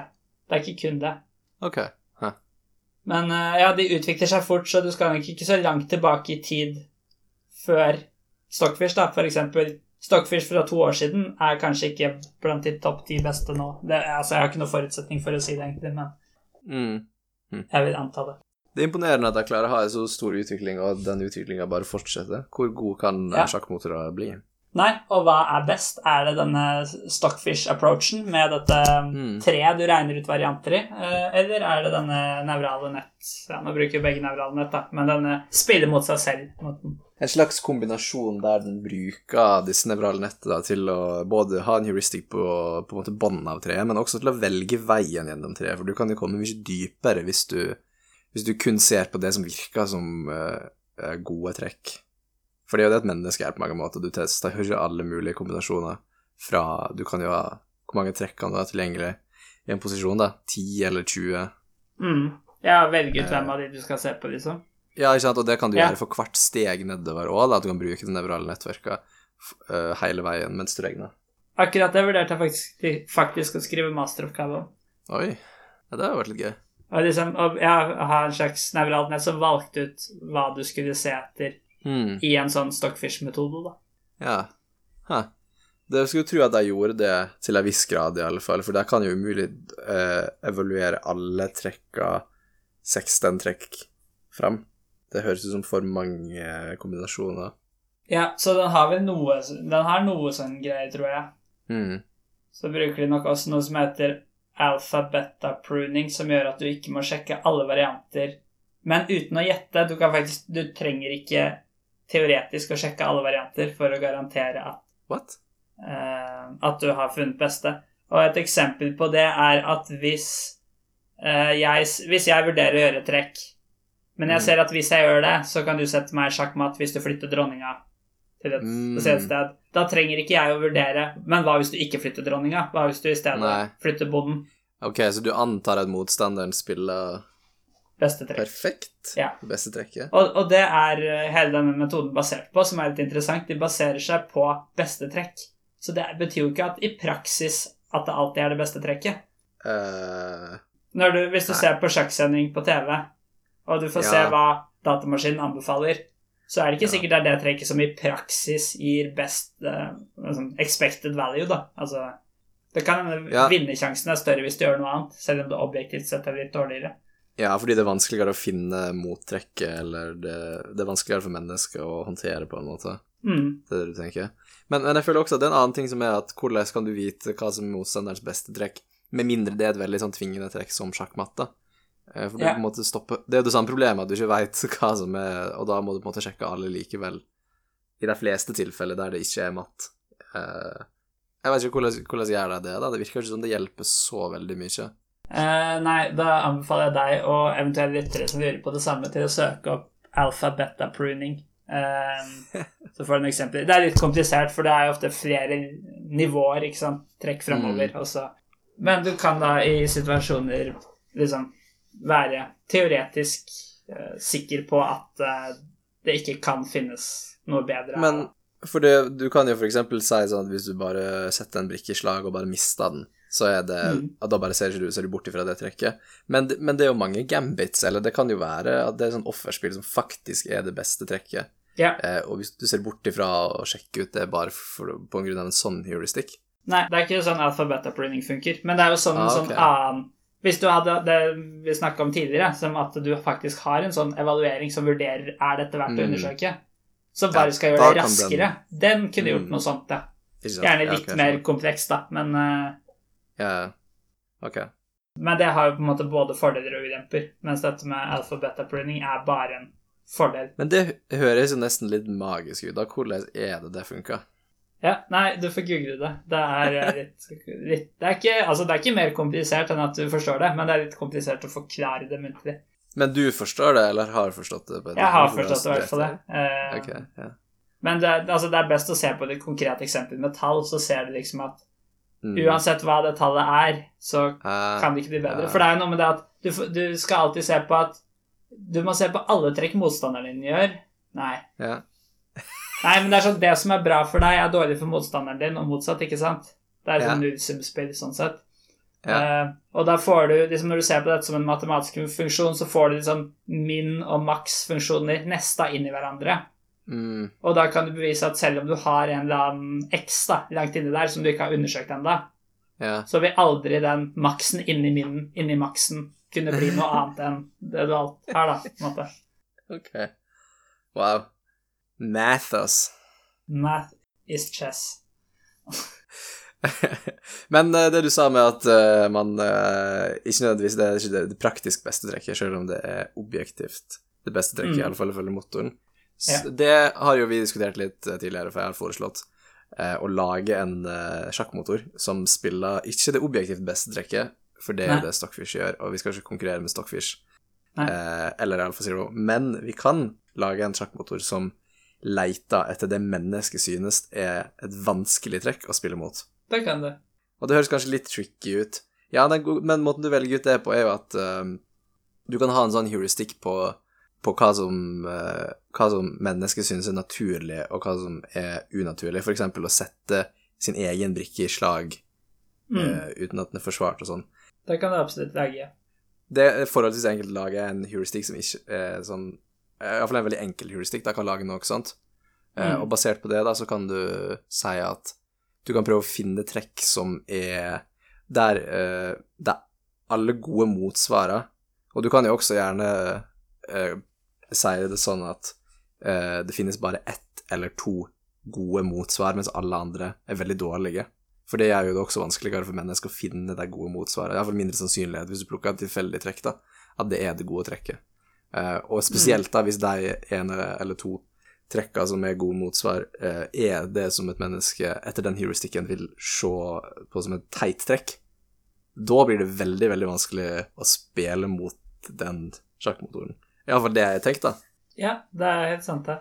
Og det kan du lage. Men eh, om det i praksis vil fungere i det hele tatt Det hadde vært veldig gøy, da, for du blir på en måte Da vil den eh, antageligvis gå inn i sånn gambits og tvinge deg til å spille veldig rare trekk. Og, og det som ser ut som veldig gode trekk, f.eks. at den setter dronninga si i slag, da, så er det sånn Tør du å ta den dronninga? Fordi Mm. det er sånn Da blir du matt, liksom, eller eh, en eller annen annen sånn Du blir frista til å gjøre dumme trekk, eksempel. Det eneste er at når du på en måte prøver å eh, spille tricky for å lure en spiller, i stedet for å spille beste trekk, Mm. Objektivt beste trekk, da Ja. kan du også bli straffet for det. Ja, du risikerer jo selvfølgelig det. For da spiller du kanskje trekk som ikke er Kanskje du spiller trekk som taper hvis motstanderen gjør det riktige ti ganger på rad, men det er Mm. veldig liten sjanse for at det skjer, og hvis ikke vinner Ikke du. sant. Nettopp, det er en god måte å beskrive det på, da, ti ganger på rad, at det er en, sånn, en slags smal sti gjennom det treet som er riktig, Ja. da, og du tvinger motstanderen til å gå en veldig sånn smal sti og håpe at jeg trakk feil, da. For en vanlig sjakkdatamaskin vil ikke se forskjell på det, om det er liksom, Den ser bare på det beste, da, så hvis det beste er vunnet, så spiller det ikke Mm. noen rolle om det er ni andre veier som er nesten like gode, som også vinner, bare kanskje bruker litt lengre tid, eller om Mm. alle andre veier bare taper for deg. Nei, ikke sant. Og det er også en sånn måte man kan bruke for å finne ut om folk jukser på, da, ved liksom analysere partiene Mm. mot computerforslag og ser at ja, han spilte computertrekket her, men det var ikke så rart, for det ville mange mennesker gjort. Det er mening, på en måte. Mens i en Mm. annen stilling, så han gjorde det her, og ja, det vinner hvis computeren sier det vinner, men det er jo helt uintuitivt, måte, for du må Ja. jo spille alle de merkelige trekkene etterpå. Mm. Og, og du kunne jo bare gjort et bytte i stedet, som vant, bare at det tok litt lengre tid å vinne, men som er mye Ja. safere da, for et menneske. Ja. Jeg har jo inntrykk av at, uh, at eh, disse uh, Chess.com og Leachess og sånn er ganske gode på å fange opp og banne folk som jukser, nettopp fordi man kan analysere det på den måten. Ja, men man skulle tro at det gikk an å lage et program som eh, liksom ikke alltid foreslår best computertrekk, da, men som Ja. hadde litt noise går, seg. hvis man er sånn. sofistikert i juksinga si, så kan jo man eh, Så kan jo man sikkert gjøre det. Jeg vil tro de fleste som jukser, bare tar og har på en sånn maskin ved siden av, så bare prater rett Ja, he- helt Da blir det jo ganske Ja. åpenbart. Men hva er poenget? da? Hvorfor, match med ja, hvorfor jukser folk i det hele tatt? Hva er liksom poenget med å spille på vegne av datamaskiner mot folk på internett? Nei, jeg vet ikke hvordan du gjør det på internett. Jeg kan jo skjønne at det hadde frista liksom, hvis du kunne blitt verdensmester. Ja, ja, det er det jo, helt da er det jo mye vanskeligere igjen. Ja, ja, Og så er det noe med det at eh, Litt sånn som vi snakka om denne yoghurten i stad, og han som sto på koordinater mellom bordene og sånn. Det er jo, Du får gitt litt informasjon, men du får ikke gitt så veldig mye informasjon, så du er jo Nei. avhengig av at spilleren er veldig god fra før, og så er det på en måte de små marginene du vil vippe over med noe sånt. da. Mm. Mens uh, liksom Hvor mye juks hadde ikke jeg trengt for å kunne bli verdensmester? Jeg måtte jo fått hvert trekk inn, liksom. Ja, nesten. Og det, det blir jo en del vanskeligere. Mm. Så spørsmålet er jo da hvorfor jukser folk på internett? Det virker jo bare stupid, men folk gjør jo det. Ja. Nei, jeg, jeg vet ikke. For, eh, nei, for det er liksom ja, Du kan se hvor høy rating du klarer å få da, men på den annen side, er det noe imponerende å få høy rating? det Du kan altså bare gå inn i inspect element i nettleseren og så endre tallet på ratingen din sånn at det står 100 000, liksom. Det blir litt samme måten. ja, det er akkurat det. Og, og den ratinga du eventuelt får, er jo bare ratinga til motoren du bruker. Ja, det virker litt meningsløst. ja ikke sant? Du må være flink til å overføre det, da. Kanskje du tar, trykker feil. Ja, hvor mange mouse-slips klarer du å unngå? Ja. Eh, nei, skal vi spille dette berømte blindsjakkpartiet vårt? Uh, Eller har du noe mer? jeg ville ta opp uh, uh, Diskutere med deg situasjoner i virkelige liv som er som sjakk. Ja, det kan vi Ja, kjør på. Jeg vet ikke helt hvor bra det her eh, kommer til å gå, men det er noen situasjoner i livet som er som, er som sjakk. Ja, um, det, det vil jeg absolutt tro, men jeg er spent på hvilke eksempler du har. ja, har du noen tanker? Nei, ikke, ikke her og nå. Det har jeg ikke, så det er veldig fint at du har noe. ok, Jeg har én spesifikk. Jeg skal prøve å ta det gjennom eh, logikken her. da. Eh, Ja. Og jeg tror du må hjelpe meg å tenke litt gjennom det, for jeg har ikke Det er lenge siden jeg har tenkt på det her, så jeg har ikke, jeg har ikke hele på en måte eh, kartet klart foran meg av situasjonen i hodet. Vi må, vi må snakke litt gjennom det eh, sammen, tror jeg. Ja. Eh, Men det er en eh, gaffel, da, så vi ser for oss at du setter en gaffel, f.eks. en hest som, eh, som truer både f.eks. dronninga og løperen til motstanderen. Okay. Og da er det mange forskjellige situasjoner du kan være i. Eksempel så kan det feltet som du går til med hesten, være, være beskytta av en bonde, og da bare taper du hesten din. Så det er jo en Mm. fryktelig dårlig gaffel, da. er Du bare sånn feiler. Ja.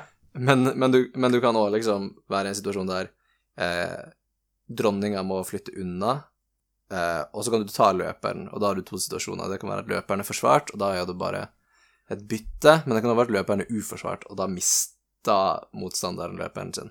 Ja.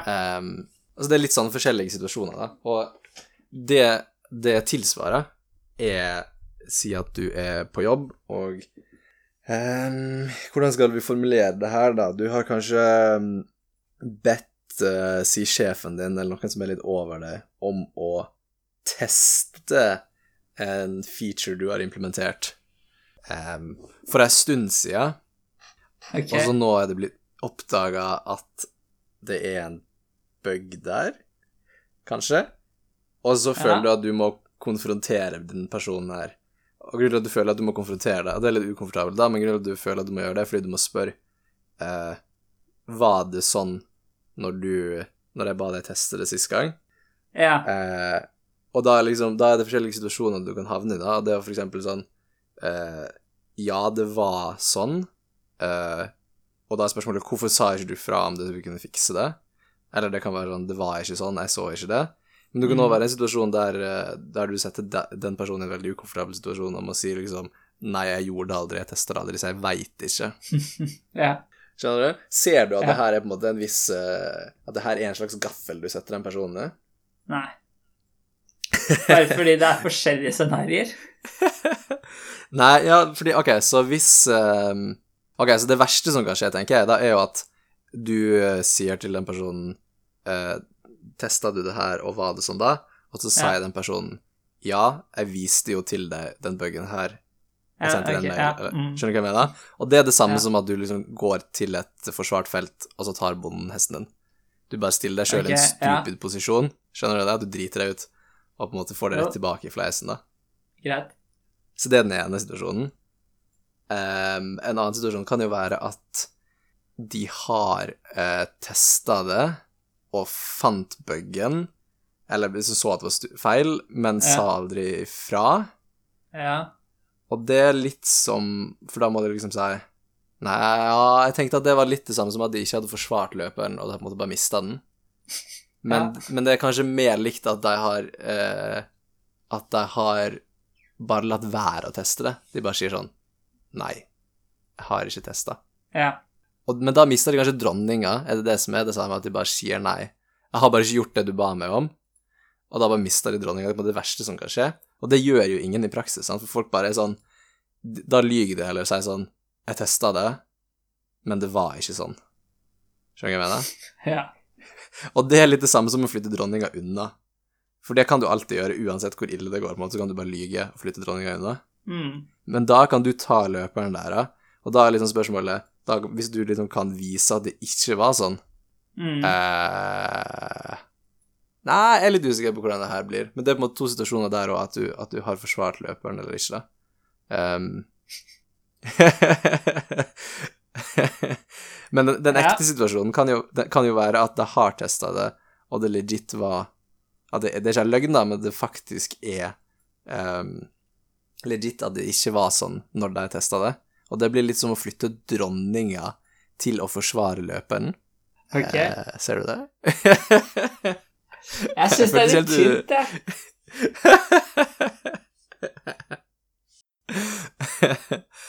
um, ja. jeg skal ikke si at du ikke kan lage en analogi her, men um, Jeg har hørt bedre, og du kritiserer alltid mine analogier. Det er ikke en analogi, det er en isomorfi. Disse to situasjonene er ekvivalente. uh, hva, for- hva er en analogi, da? Uh, nei, Kanskje en analogi og en isomorfi er analogier og isomorfi. Eh, men, eh, men hva med at jeg liksom sier at eh, ja, det, jeg testa det, og det var fucked, og jeg sa aldri fra. Det er litt Ja. det samme som at du bare står stille og liksom lar han ta dronninga di. Ok, ja. Mm. Ja. Ja. Nei, jeg, jeg, jeg kan være enig, men um... Ja, vi, vi har hatt verre ting i podkasten før, så det, det går bra. Nei da, det var eh, Det var greit, men det var, det var komplisert. Ja, det er komplisert, men det er fordi det er, så mange, det er så mange kombinasjoner av ting som kan skje, men det gjelder jo begge situasjonene, da. Ja, så er det det som er likheten. Nei, det er ikke det som er liggende, det, det er at alle utfallsrommene Trea her, for hva som kan skje, eh, det er på en måte to tre, da, som er Ja. like. Eh, Det, det er det samme utfallsrommet, det er mulige ting som kan forekomme. Hva hvis du bare tar på Eh, tid altså i sjakkpartiet? Hva er koblingen da? Ja, du bare svarer aldri, da. Får aldri svar.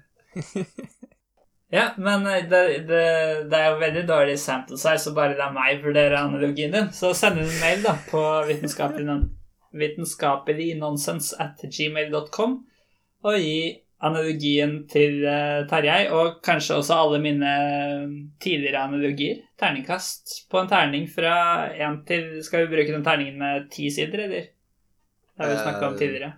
Ja, jeg husker ikke hva terninger som er mulig å lage. Nei, sånn Fire, seks Hva er det rett og slett 4, 6, 8, 10, 12 og 20?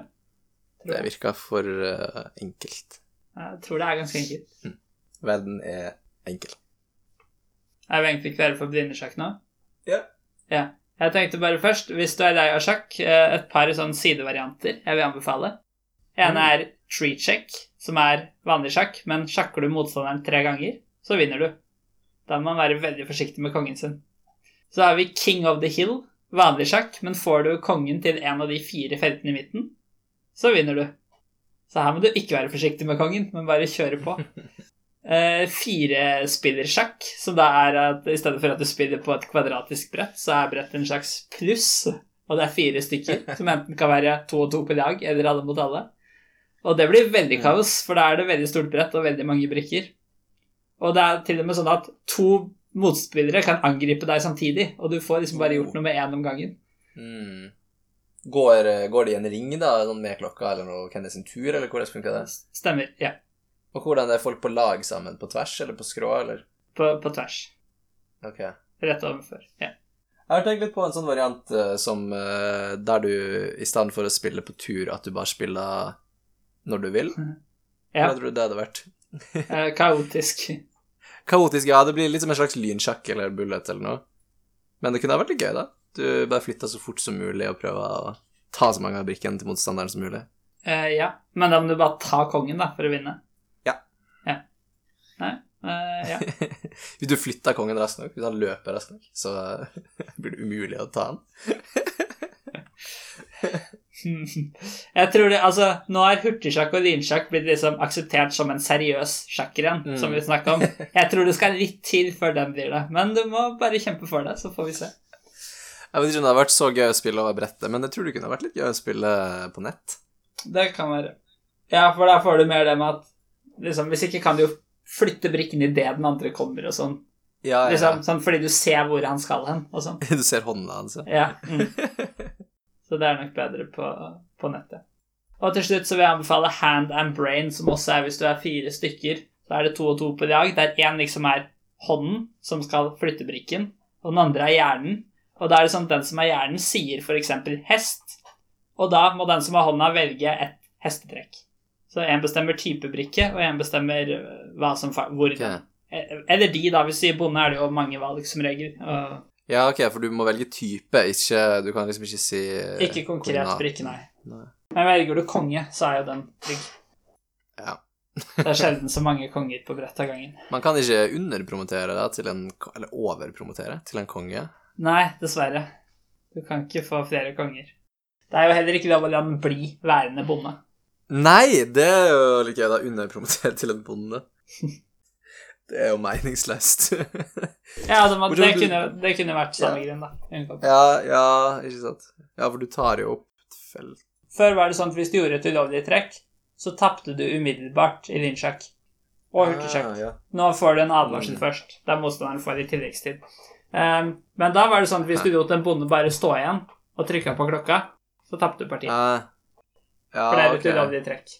Ja, det er jo det. Du må jo, du må jo velge hva brikke den skal bli. Jeg skjønner jo at det blir litt dumt. Ja, nettopp. Men nå får du bare en advarsel først, da. Og så andre gang det skjer, så taper du.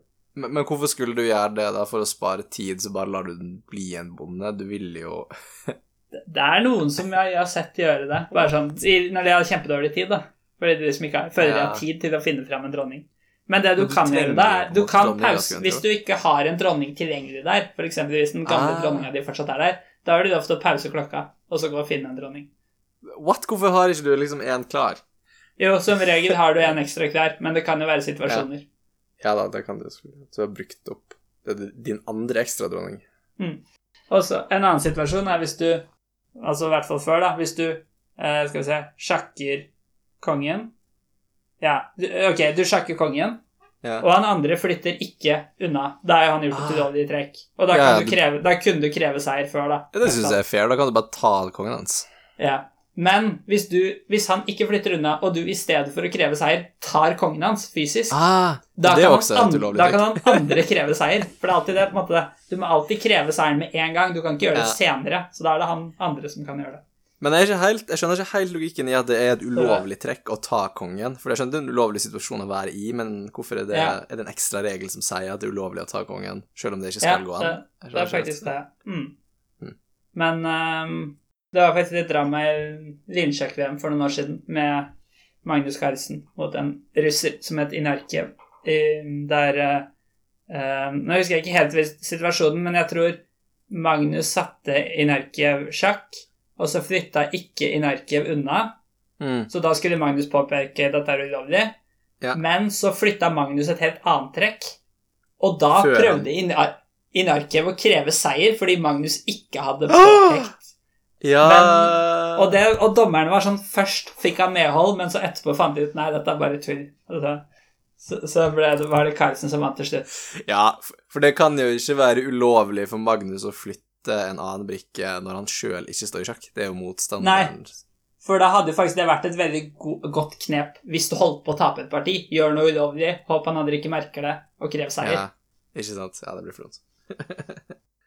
Men jeg syns det er litt rart at du, at du skal få en advarsel, bare. Syns jeg er litt rart. Du burde jo bli straff. Altså, det er så vanskelig å veie opp for det i et lynsjakkparti, da, fordi eh, du må på en måte pause hele spillet, på en måte. Da får du masse tid til å tenke plutselig, da. Jeg tror motstanderen skal få to minutter ekstra. Men helt klart, du kan bruke disse reglene um, Mm. til juks. Du kan også, eksempel hvis du vil kreve noe, du kan påstå Nå tror jeg vi har spilt samme stilling tre ganger. Ja. Pause klokka. Det trenger ikke å være noe Ja. grunnlag for å si det. Og så må Nei. dommeren komme og verifisere det.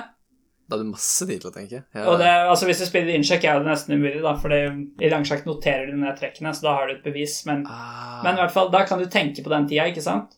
Og da tror jeg det, er, Ja, ja. det gjelder som et ulovlig trekk, da, hvis du krever og det er feil. Så i dette tilfellet Ja. vil du da motstanderen få to minutter. Og hvis du gjør det igjen, vil du tape partiet, tror jeg. Ja, det er Men, fair, men altså. det kan være situasjoner der det er løsningen, ikke sant? Fordi du bare trenger tid til å tenke nå, og da kommer du til å vinne. Så du kan absolutt utnytte de reglene. Ja. Ok, blindesjakk. ja.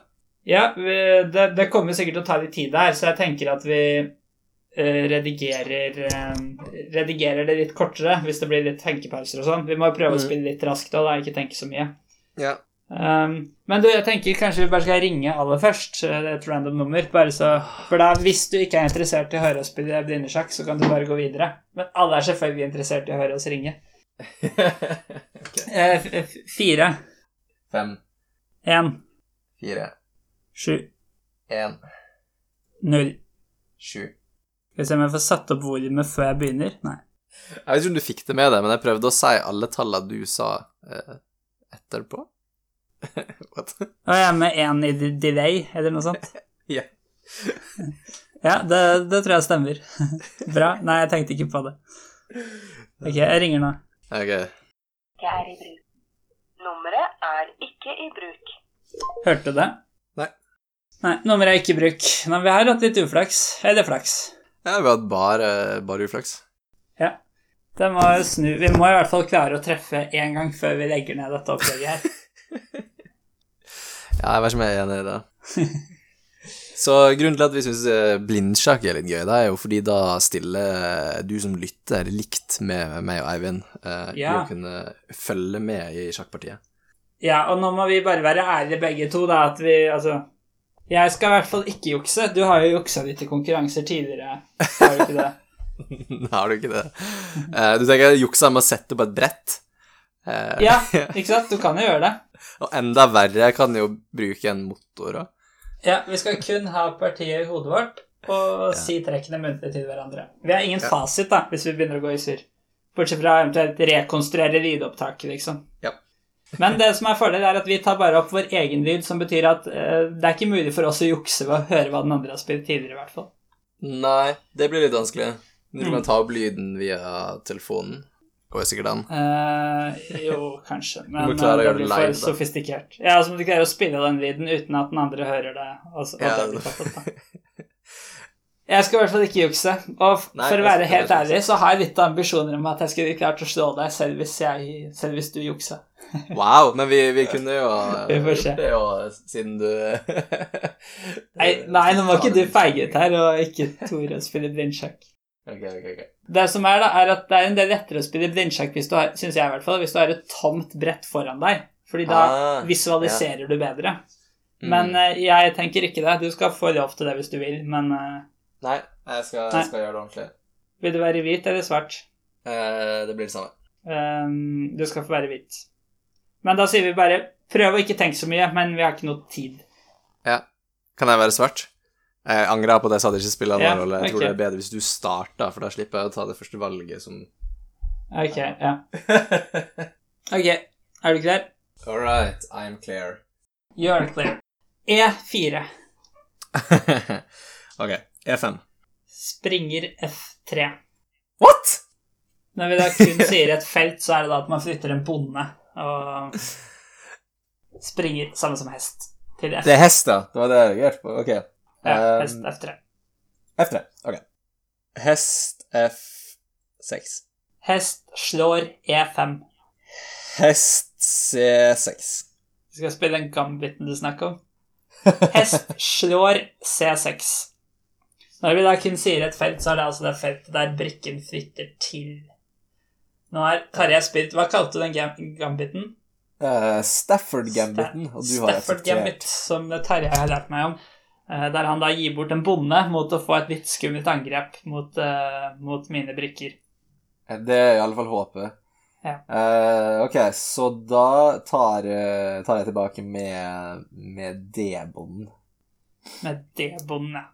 Hvordan sier man det Spennende. egentlig? For nå, er det to, eh, nå har jeg to alternativ. Uh, ja, da sier du D slår C6. OK. D slår C6. Ja, nå må jeg passe litt på, for nå tar jeg åpna opp så dronningen kan bli med i angrepet. Han har en hest ute.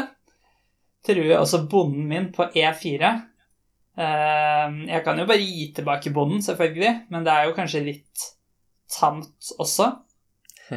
Så jeg, jeg tenker vel at det virker trygt nok å skulle nå spille D3.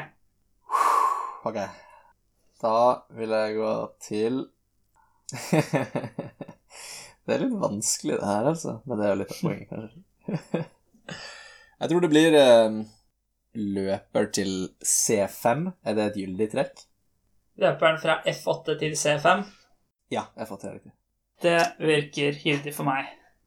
Ja, du begynner å legge mye press på F2-bånden min. Den er det jo ikke lurt å miste, for den, eh, den er jo rett ved kongen. Så jeg tenker jeg må prøve for å cape snart. Så er spørsmålet nå, hvis jeg nå jeg vurderer å flytte løperen ut til E2, kommer da Tarjei til å slå med løperen på bonden, ofre løperen for et farlig angrep? Det er eh, det er ikke helt umulig at han gjør det. Det er dumt, Særlig ikke når jeg foreslår det for han. Jeg vet ikke om det, jeg ikke om det er noe bra. Um, men jeg tenker, skal man være Hvis man er, begynner å bli nervøs for, uh, for gambiten, da, da har man jo tapt. ja. Uh, tenker jeg. Nei, jeg, jeg spiller løper um, E2. E2, ok. Uh, skal vi se. Ok, så da vil jeg spille Åh, det er dumt om jeg bare driter meg ut med en gang Da. Men jeg har veldig lyst til å spille Vi gjør det. Hest til G4. Er det gyldig? Hest til G4 er gyldig. Og det er dette, siden du ikke ofret løperen din. Jeg vet ikke om det hadde vært noe bra, men det var det jeg var mest nervøs for, i hvert fall. Eh, hvor, hvor, skulle jeg, hvor skulle jeg tatt da? F2, tenkte du? Ja. Løperen Ja. du nettopp flytta ut til C5. For da det er i hvert fall litt vanskelig å forsvare i blinde. Ja, det kan godt hende at det er det riktige trekket i den linja her av gambiten, altså. Ja, ikke, ikke spør meg, denne gambiten kan du bedre enn meg. uh, men ja, du flytter hesten til G4, og jeg lurer på er, Kan ikke jeg slå ut den med løperen min? Uh, min umiddelbare tanke. I verste fall så kan jeg rokere, og da vil jeg føle at kongen min er litt tryggere òg. Men hvis jeg tar den løperen jeg nettopp flytta til E2 og slår på G4, så er vel den løperen, nei, den hesten riktignok forsvart av en eh, løper på C8. C8, D7, E6, F5, G4. Hva gikk du? What? Gikk det sånn trapp opp langs diagonalene? Ja, ja, det er sånn jeg må tenke på diagonalene, nesten. For det er så Ja, det er Det, det er noe av det jeg sliter mest med i blindsjakk, ja. De diagonalene. Ja, ja. Jeg tror det, det hadde vært lettere hvis begge delene var tall, tror jeg. ja. Hvis du kalte feltene liksom 1-1, men det kunne vært Det hadde gjort hoderegning enklere, tror jeg kanskje. Ja. ja. det er et godt poeng. Men, eh, men jeg har jo dronninga i bakhånd hvis han står igjen med løperen. Så er spørsmålet skjer det noe skummelt etter det. Men jeg tror rett og slett jeg spiller Hvis ikke jeg har oversett noe grovt nå, så spiller jeg løperen fra E2 slår G4. Ah, du hadde løperen der, ja. Ikke sant, den dekte G4. Som et sånt batteri med dronning. Vent, what? Ja. med dronning. Ja, ikke sant, ja. Ok. Ja, det gjør det jo da. Faen. Um, det var jo kanskje en tabbe å spille en gambit eh, når eh, For nå var jeg bare Det er kanskje en tabbe nå som du har mista en brikke, men det, Ja. er jo, det er jo ikke sikkert det er så dumt å gå for noe aggressivt Ja, Når det er blindt og altså Det er jo fort at jeg overser et farlig angrep òg. Nå, nå jeg gambita hesten nå. Det var litt uheldig. Ja. Det Det er bare en utvidet uh, Stafford uh, Utvidet gambit. Stafford, altså. Ja. Uh, ok, så hva Tarjei-varianten. Jeg tror jeg bare gønna på Nei Jeg hadde lyst til å spille dronning eh, H4. Ja, det er vel lov, det, tror jeg. jeg er ikke det. Ok, men det er faktisk et veldig interessant trekk, for nå Ja. du døperen min, og du har økt presset på, F2. på F2, ja. Så nå skal jeg være veldig forsiktig her. Og kanskje faktisk jeg ikke har mulighet til å, til å vinne materiell, at jeg bare må gi tilbake løperen nå.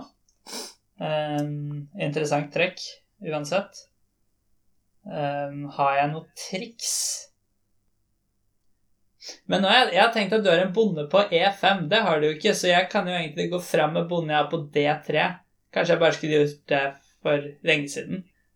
Til D4. Legge press på løperen din. Ja, det er interessant. Den er forsvart uh, av men dronninga di. jeg vet ikke om jeg er så fan. Fordi hvis du da slår ut min løper med din løper, så truer du jo dronninga mi. What? Å ja, ja, sånn, ja. Ja, ikke sant. Jeg vurderer litt å bare rokere. Er det skummelt? Antagelig går det fint, men jeg mister selvfølgelig den løperen, da. Eh, Men jeg kjører en kort rokade. Kort rokade. Ok. Du har jo hele senteret her med disse bøndene dine. Ja, det er ikke så Det, det senteret er ikke så verst. Nei, det her er Det her er vanskelig. Jeg syns du spilte bra nå. Nå vinner du jo tilbake Bonden. løperen. Ja, løper Ja What? Ja. Nei, jeg gjør jo ikke det. Det blir jo bare et bytte. Jeg- Ah, nei, for du tror dronninga, ja. Ja, ok, riktig. Ja, greit. Da tar jeg C Hvordan blir det? C8 til G4? Ja. Ok. Slår ut løperen der med din Mm. løper. Eh, og da truer du dronningen min i samme slengen, så det er kanskje lurt å gjøre noe med det. Hvis ikke jeg skal kjøre en veldig eh, aggressiv uh, gambit og det er offer. Eh, så da er spørsmålet skal jeg flytte dronningen ett hakk opp til D2 eller ett hakk bort til E1. Jeg tror det må være de to beste mulighetene. Eh, kanskje det eneste, faktisk. Og jeg tror jeg flytter dronningen ett hakk bort. Altså så den står på E1. Dronning E1. Ok. Angrer litt, men gjort er gjort. Vil du heller gå D2? Eller? Ja, kanskje. Men uh, begge deler har sine fordeler og ulemper. Jeg vil ikke sperre løperen min på C1 inne. Nei. nei. Jeg lurer på om jeg vil ta C5 til E4. Ta Det går ikke, men kanskje D4. Dammit. D4, selvfølgelig, var det jeg mente. Ja. Ja. Dem ett tak på skrå mot Yes. kongen min. Ja. Løper T4. Ja, da tror ikke det er noen umiddelbar trussel, men det hindrer at jeg kan gå fram i midten. Og så må jeg passe på å ikke spille ut løperen min nå, for da er det mulig å slå inn på B2, og så ryker plutselig tårnet mitt. Så jeg tenker en mulighet er å spille den C-bonden fram til C3. Da er løperen plutselig trua, og så kan jeg gå fram i midten. Ellers så Jeg er litt sånn stressa for min egen konge, i og med at det nå både er egentlig to løpere og en dronning som sikter seg inn der, men eh, ja, det er fordelen med Stafford-gamen. ja Hvis du på noe tidspunkt skulle gå med løperen til E5, så peker den ned mot F4, G3 og H2. Da begynner H2 å bli et litt sånn svakt felt. Er det et problem? Kan man jo spørre seg. Um, er, det er absolutt litt press her nå, så vil jeg si. Um, som kanskje må gjøres noe med. Men jeg har kanskje alle muligheter da F4 som et uh, Wow. forsvarstrekk. Ikke nå, for nå har jeg ikke lov til det, fordi løperen din truer kongen min. Ja, Men hvis du er senere skulle flytte løperen ja, den bint. um, Så jeg føler meg egentlig komfortabel med å spille C3, bonden én fram. Damn. Ja, ikke sant? Det er annoying. Det er i hvert fall betryggende at jeg er blitt kvitt hestene dine, for de er litt sånn stressende hvis de hadde hoppa rundt. Ja du du er eh, out hestene. of horses. Jeg har én hest igjen, men den står fortsatt i startposisjon på B1. Kan jeg faktisk rokere begge veier? Uh, ja, det tror jeg faktisk du kan. Det har jeg ikke tenkt på engang. Men du har jo spilt Du er kvitt begge hestene, og både dronningen og løperen har gått ut, så da må du vel kunne det. Men det her er vel ikke tidspunktet for å For å rokere. Kom igjen, da. ah, det er så vanskelig å se når man er i blinde, hvor eh, Hva alternative trekk man har. Ja. Jeg syns det er all- aller vanskeligst å liksom regne trekk fremover, samtidig som du skal holde styr på hva som er nå og sånt. Å ja, ikke sant? Ja, nei, det har jeg ikke vurdert å gjøre engang. Men jeg er litt glad for at vi bytta noen brikker helt i åpningen, for det blir litt lettere når det blir færre brikker. Ja, ikke sant. Det var sikkert lurt. Ja, men det er jo lurt for begge, da, kan du synes. Så. Ja, ja, det var det jeg sa. Det var sikkert lurt. Ja, sjakk er jo et slags nullsumspill, så lurt for begge er kanskje da ikke lurt for begge. Det blir mindre tilfeldigheter, vi får spilt litt mer da, kanskje. Ja, det kan være. Men eh, jeg må bare tenke litt Hvordan kan jeg Jeg vil jo opprettholde det trykket her. Men det kan jeg. Jeg kan ikke. Jeg kan ikke bare flytte løperen min tilbake til eh, Hva blir det? C5? Jo, er det Ja, jeg kan det. Ja, men da gjør jeg det. Ja, C5. C5. Da tror jeg uten å tenke skal, Nei! skal gå for å spille bonden fram til D4. Ja Vent, what? Har du en bonde på D Jeg hadde en bonde på D3, som jeg nå flytter fram til D4. Nei Jo Nei, tok ikke bonden din på D4 med løperen fordi du trua løperen min der. Nei, den sto alltid på D3. What?! Jeg flytta dronningen til E1, og så flytta du løperen til D4. Hvorfor gjorde jeg det? Det var jo for å ta bonden din der. Men du sa ikke bonde sl... Nei, nei, løper slår D4 engang. Som du skulle sagt da. Du sa bare løper D4. Og så hadde du vite om det var riktig felt. Oh man, jeg trodde løperen min var trua. This makes no sense, man. Jeg trodde, jeg trodde grunn... For jeg sa jo at det her er ikke tidspunktet for å rokere, men da fordi jeg var angrepet av C3-bonden. Det stemmer. Ja, det var ett okay. trekk senere. Mm. Ja, riktig, riktig. Nei, men jeg trodde du trua løperen min der. Jeg tror jeg snakka om å flytte bonden opp dit. Ikke sant? Det Det var var ikke det det, som forvirra meg. Hvorfor trodde du jeg gikk til D4 som en jævla idiot? Hva slags trekk var det, da? Nei, jeg vet ikke, jeg. Det var bare Jeg var litt bekymra for at du etterpå skulle gå til E5, da. Men uh... Oh man, ja, men jeg kan ikke ta bonden din nå, for nå er den forsvart av C3. nei. Det, det, kan, eller, nei, det er ikke lurt, nei. Men Oh my god, rot rota her. Herregud, stupid. jeg tror det er viktig Blindsjakk ikke blir satt ut av sine små tabber, fordi de kommer nok eh, Det kommer nok noen av dem. Jeg var en kjempetabbe. Ah. God, Ja, du du mista litt tempo. tid, da. Du mista jo ikke noen brikker, i hvert fall. Nei da, du, du fikk jo et tempo. Men det er klart, du, når du har spilt en uh, gambit, så er det jo litt at du skal opprettholde et press mot kongen min, og da er det ikke lurt å gi meg for mye tid. Nei, eh, og nå løper han min trua igjen. Mm. Men jeg står på C5 da, så jeg kan liksom Åh, man. Men ok, men så jeg kan faktisk flytte til D6, men uh, det er kanskje litt stup.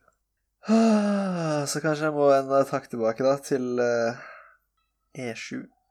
Er det bekreftet? Er svaret avgitt? Det blir jo fort det, da. Ja.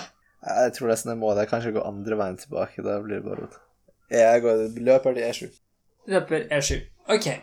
Ja, jeg vurderer litt om jeg skal prøve å bytte av dronninger nå. Er det lurt for meg? Um, jeg leder med bonde, og jeg syns jeg har en ganske god stilling. Ja, du leder med en hest? Så hvis jeg bare blir kvitt dette presset mot Vent, kongen min, så begynner jeg å bli fornøyd.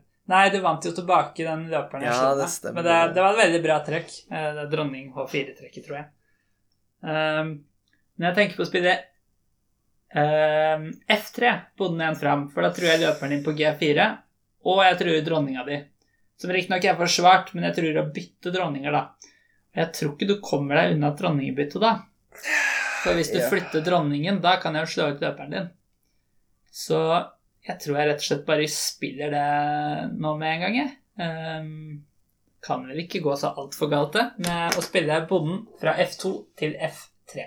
Ok, uh, så da er spørsmålet Vil jeg Du har jo sikkert helt rett at jeg må akseptere dronningbyttet, men burde jeg ta svekker jo kongen min litt når jeg spiller en bonde fram foran den, men så fort dronningene blir bytta, så er det jo ikke så Da er ikke kongen i så mye fare mer.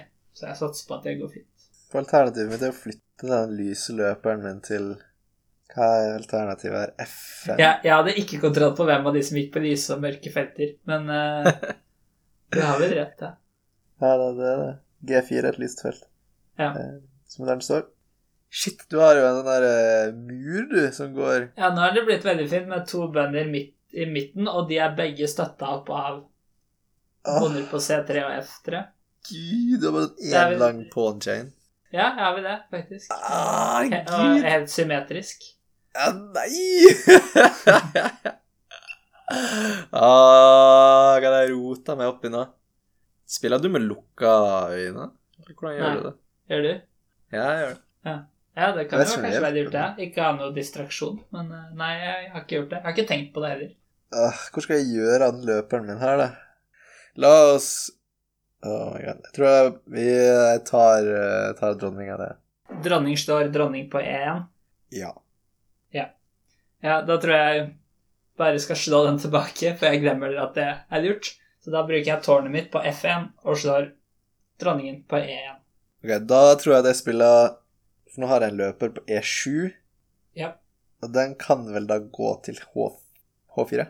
Ja, av, avgjort. Nei, det er et dårlig trekk. Det var dumt. Truer tårnet mitt. Ja, men jeg, du kan true tilbake så fort at jeg kommer til å få begge løperne mine i slag med en gang. Ja, jeg spiller bare G3, og så er begge løperne dine trua. Og du rekker bare å redde én. Ja, Tror jeg da. det var, ja eh, det, det var rett. Nei, jeg spiller løperen min tilbake til eh, H5, da. Ja, løperen som var trua på G4, går nå til H5. Ja. Det gir jo mening, det. Jeg tenker jeg må prøve å få de siste brikkene mine ut i spill. Jeg har en hest på B1, og jeg har en løper på C1. Jeg vet ikke helt hva jeg skal finne på med den, men kanskje jeg skulle spilt ut den hesten min, da. Så den hesten som står på um, B1, den flytter jeg nå til D2. D2, ja. Ok, så hesten din på D2, så er det tårn på E1.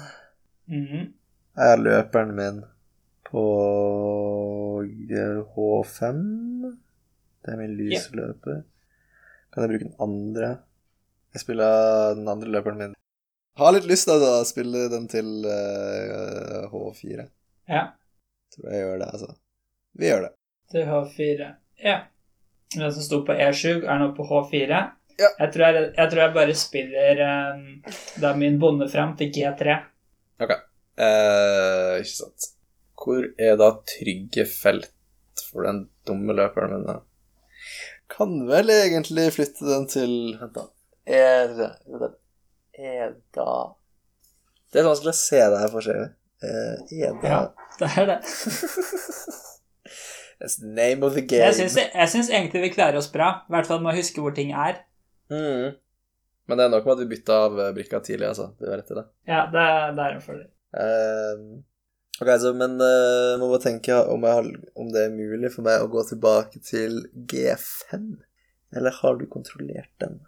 For du har en bonde nå på G3, og så har du en ved siden av på F3. Den kontrollerer G4.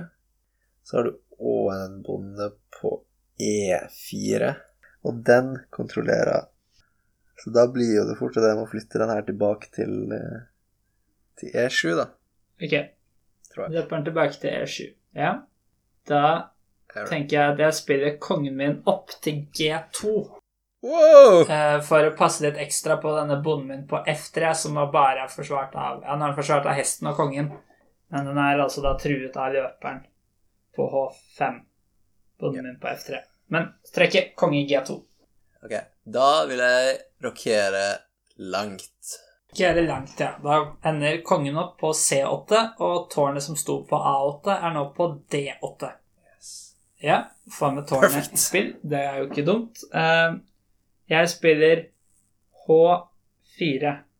Bonden fra H2 til H4. Du bare løsna opp hele kongesida der, altså. H4 Kjører på. Og jeg har fortsatt løperen min på H5. Du har en rar bondestruktur, altså. H4, G3, F3, E4. ah, det er et ekkelt angrep mot uh, kongesida mi. Heldigvis er det ingen konge der. Så lur var jeg. Vet, hvor jeg, jeg er litt redd for at løperen blir, blir fanga. Altså. Er min store frykt. Men eh, Nei, det går sikkert fint, det. jeg tror jeg skal rekke å trekke den unna akkurat. Mm. Ok, jeg flytta, flytta H-tårnet mitt jeg, til eh, D, E8. E8.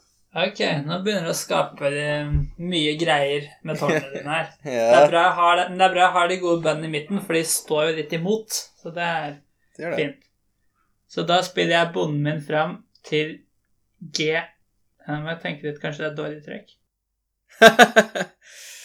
Nei, jeg tror du skal holde bonden til G4. Uh, ok, shit. Ja, da må jeg være rett for, kjent. Um, men det går bra. Jeg trekker tilbake til uh, Vet du hva, hva blir det? G, G6, var det det jeg sa? Ja. Ja. Det, G6. det jeg var litt skeptisk nå, var om du skulle spille løperen din til H4, den du har på E7, slå ut der, og så Wow! og så, og så tårnet mitt. Men da kunne jeg spilt tårnet mitt bort i H-linja, tror jeg, og trua begge løperne dine. Å, herregud. Begge løperne mine? Ja, stemmer det. Tilbake til realiteten. Du spilte uh, løperen til G6, og da spiller jeg bonden G6. min fram til H5. Nei! Og nå tror jeg den er fanga. Damn it! Jeg trodde jeg skulle rekke det, men jeg gjør selvfølgelig ikke Ja. det. Hva er det jeg tenker meg? Du skulle nok spilt frem enten F- eller H-bonden tidligere, sånn at Ja. løperen nå kunne trukket seg videre bakover. det var jo det jeg vurderte, selvfølgelig. Jeg spiller Mm. fram eh, eh, Nå spiller jeg fram eh, F-bonden. F5. F5. Ok. Interessant. Jeg slår bare ut løperen din uansett, da, med H slår G6. Ja, ikke sant. Leder, akkurat nå leder med en løper og en bonde. Ja. Nei, egentlig en hest og en bonde, egentlig. Jeg må vel ta den bonden tilbake, tror jeg. Så jeg tror jeg tar med, med H-bonde. H tar G6. Ok, da slår du med H, slår G6. Mm. Da har du fått en dobbeltbonde der. Ja. Eh, men jeg tror jeg bare spiller G slår F5. G4 slår F5. Hadde G-bonden der, da. Mm, jeg tror i hvert fall det. Damn it. ja, nei, du hadde helt sikkert det. Ja, jeg, håpte jeg trodde du måtte ta med den E-bonden. men det må ikke. Ja, da har jeg bare mista den bonden, da. Har skjedd det? Du kan slå Nei, det kan kan jeg. er en dobbeltbonde. Ja, stemmer. jeg stemmer, stemmer. Mm. Uh, ok, men da Ja, nei, nice. Da tar jeg tilbake med den. Nice. Ok, G6 slår Hva blir det? F5. F5, ja. Ja, da er vi riktig bønder, så nå er det bare den Jeg har en ekstra hest, da, som er fordelen min. Uh, det må jeg prøve å få til å vare. Eh, god plan. God plan. God plan. Så jeg tenker jeg må prøve å utvikle brikkene videre, så jeg tar den hesten som nå står på jeg? Ja, den hesten som står på F eh, Nei, på unnskyld, D2, Mm. flytter jeg til B3. B3, du. Ja. Ja, ikke sant. Jeg tror ikke jeg klarer å tenke noe lenger på den hesten. Den er vel ikke noen umiddelbar trussel, så da tror jeg at jeg Det jeg, kommer bruk, sikkert ikke til å gjøre noe galt. jeg, tror jeg bruker F-bonden min, min nye F-bonde, til å slå E E4. Nei, den står Oi, jeg tenkte feil, jeg. Søren. Jeg tenkte den var et hakk videre. Så Nei, På F4, så den var forbi. Men nei, du har helt, helt rett. ja. Da kunne vel Nei, jeg kunne kanskje ikke slått den. Ok, interessant uansett. Du slår eh, F står E4. Skal jeg vel slå tilbake, men skal jeg slå med tårn eller med um, noe annet? Tror rett og slett jeg bare skal slå tilbake med bonde, så Nei, F3 slår E E4. Jeg har en løper foran tårnet mitt. jeg. Nei, det er fribonde da, på G7, men den har jo et stykke før den blir farlig. Fribonde da, som ikke har noen andre bønder som kan stoppe den fra å bli dronning. Men jeg har en, jeg har en løper på E7? Ja. Jeg tror det. ah, for det var ikke den som ble trapped. Nei, det var den andre. Ja, for vi har to likfarga har vi. Nei, har du begge løperne Ja. mine? Nei, Nei, vi har to likfarga. bare en. Men jeg er en, jeg er en hest Du har en hest der borte på B3, ja. Stemmer. Stemmer. Hæ? Ok, da Jeg tror vi gjør det. Vi flytta løperen til A4. A4, det tror jeg ikke går. H4. H4, men H4. Bort på høyre Bort på ja, venstre sida, for ditt perspektiv. Kongeside. Ja, Ja. selvfølgelig. Ok, da spiller jeg ehm, tårnet et hakk opp til E2 for å unngå den trusselen. Og for å forsvare kongen. ja, hvis den blir slått ut, så skal den slå tilbake med tårnet. Egentlig et interessant konsept i sjakk, at du aldri trenger å forsvare kongen. Ikke på den måten. ja, er ikke det litt rart? Du forsvarer den på en annen måte, da. Ved å hindre at folk kan sjakke den og sånn. Men, Pakke den inn i mindre viktige brikker. men når man snakker om de andre brikkene og forsvare dem, så handler det jo ikke om å hindre at de blir tatt, men det handler om å kunne revansjere tap av dem.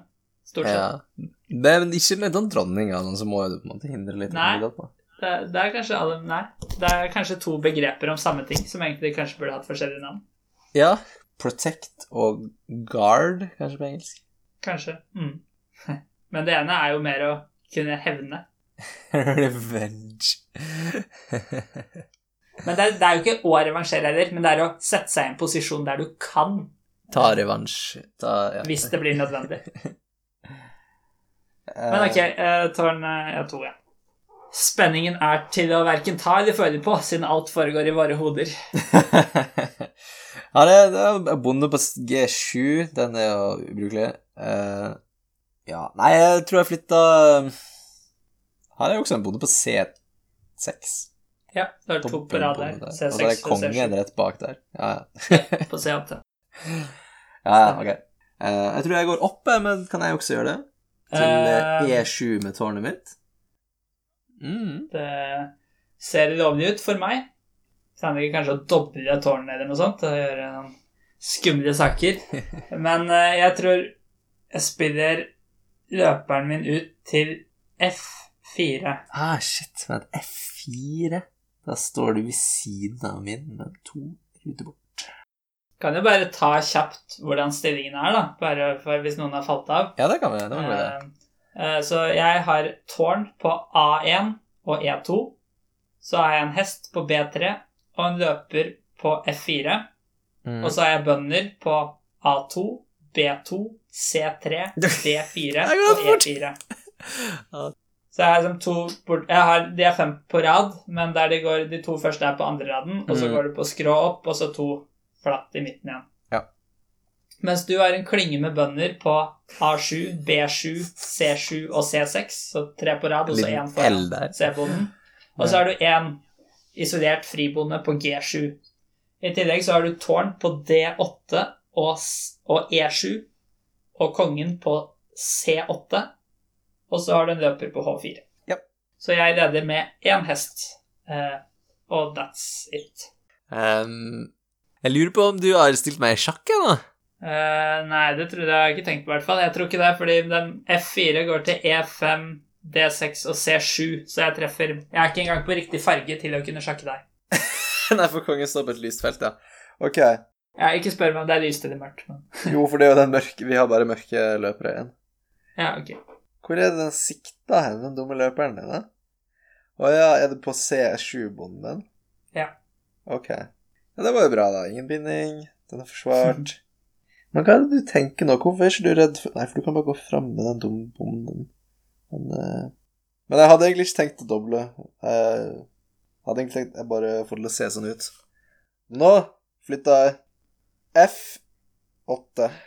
Eh, tårn fra D8 til Tårn F8, Tårn F8. Ja. Ja. jeg sa ikke hva brikke jeg tenkte på, men det var det. Tr- Truer løperen min.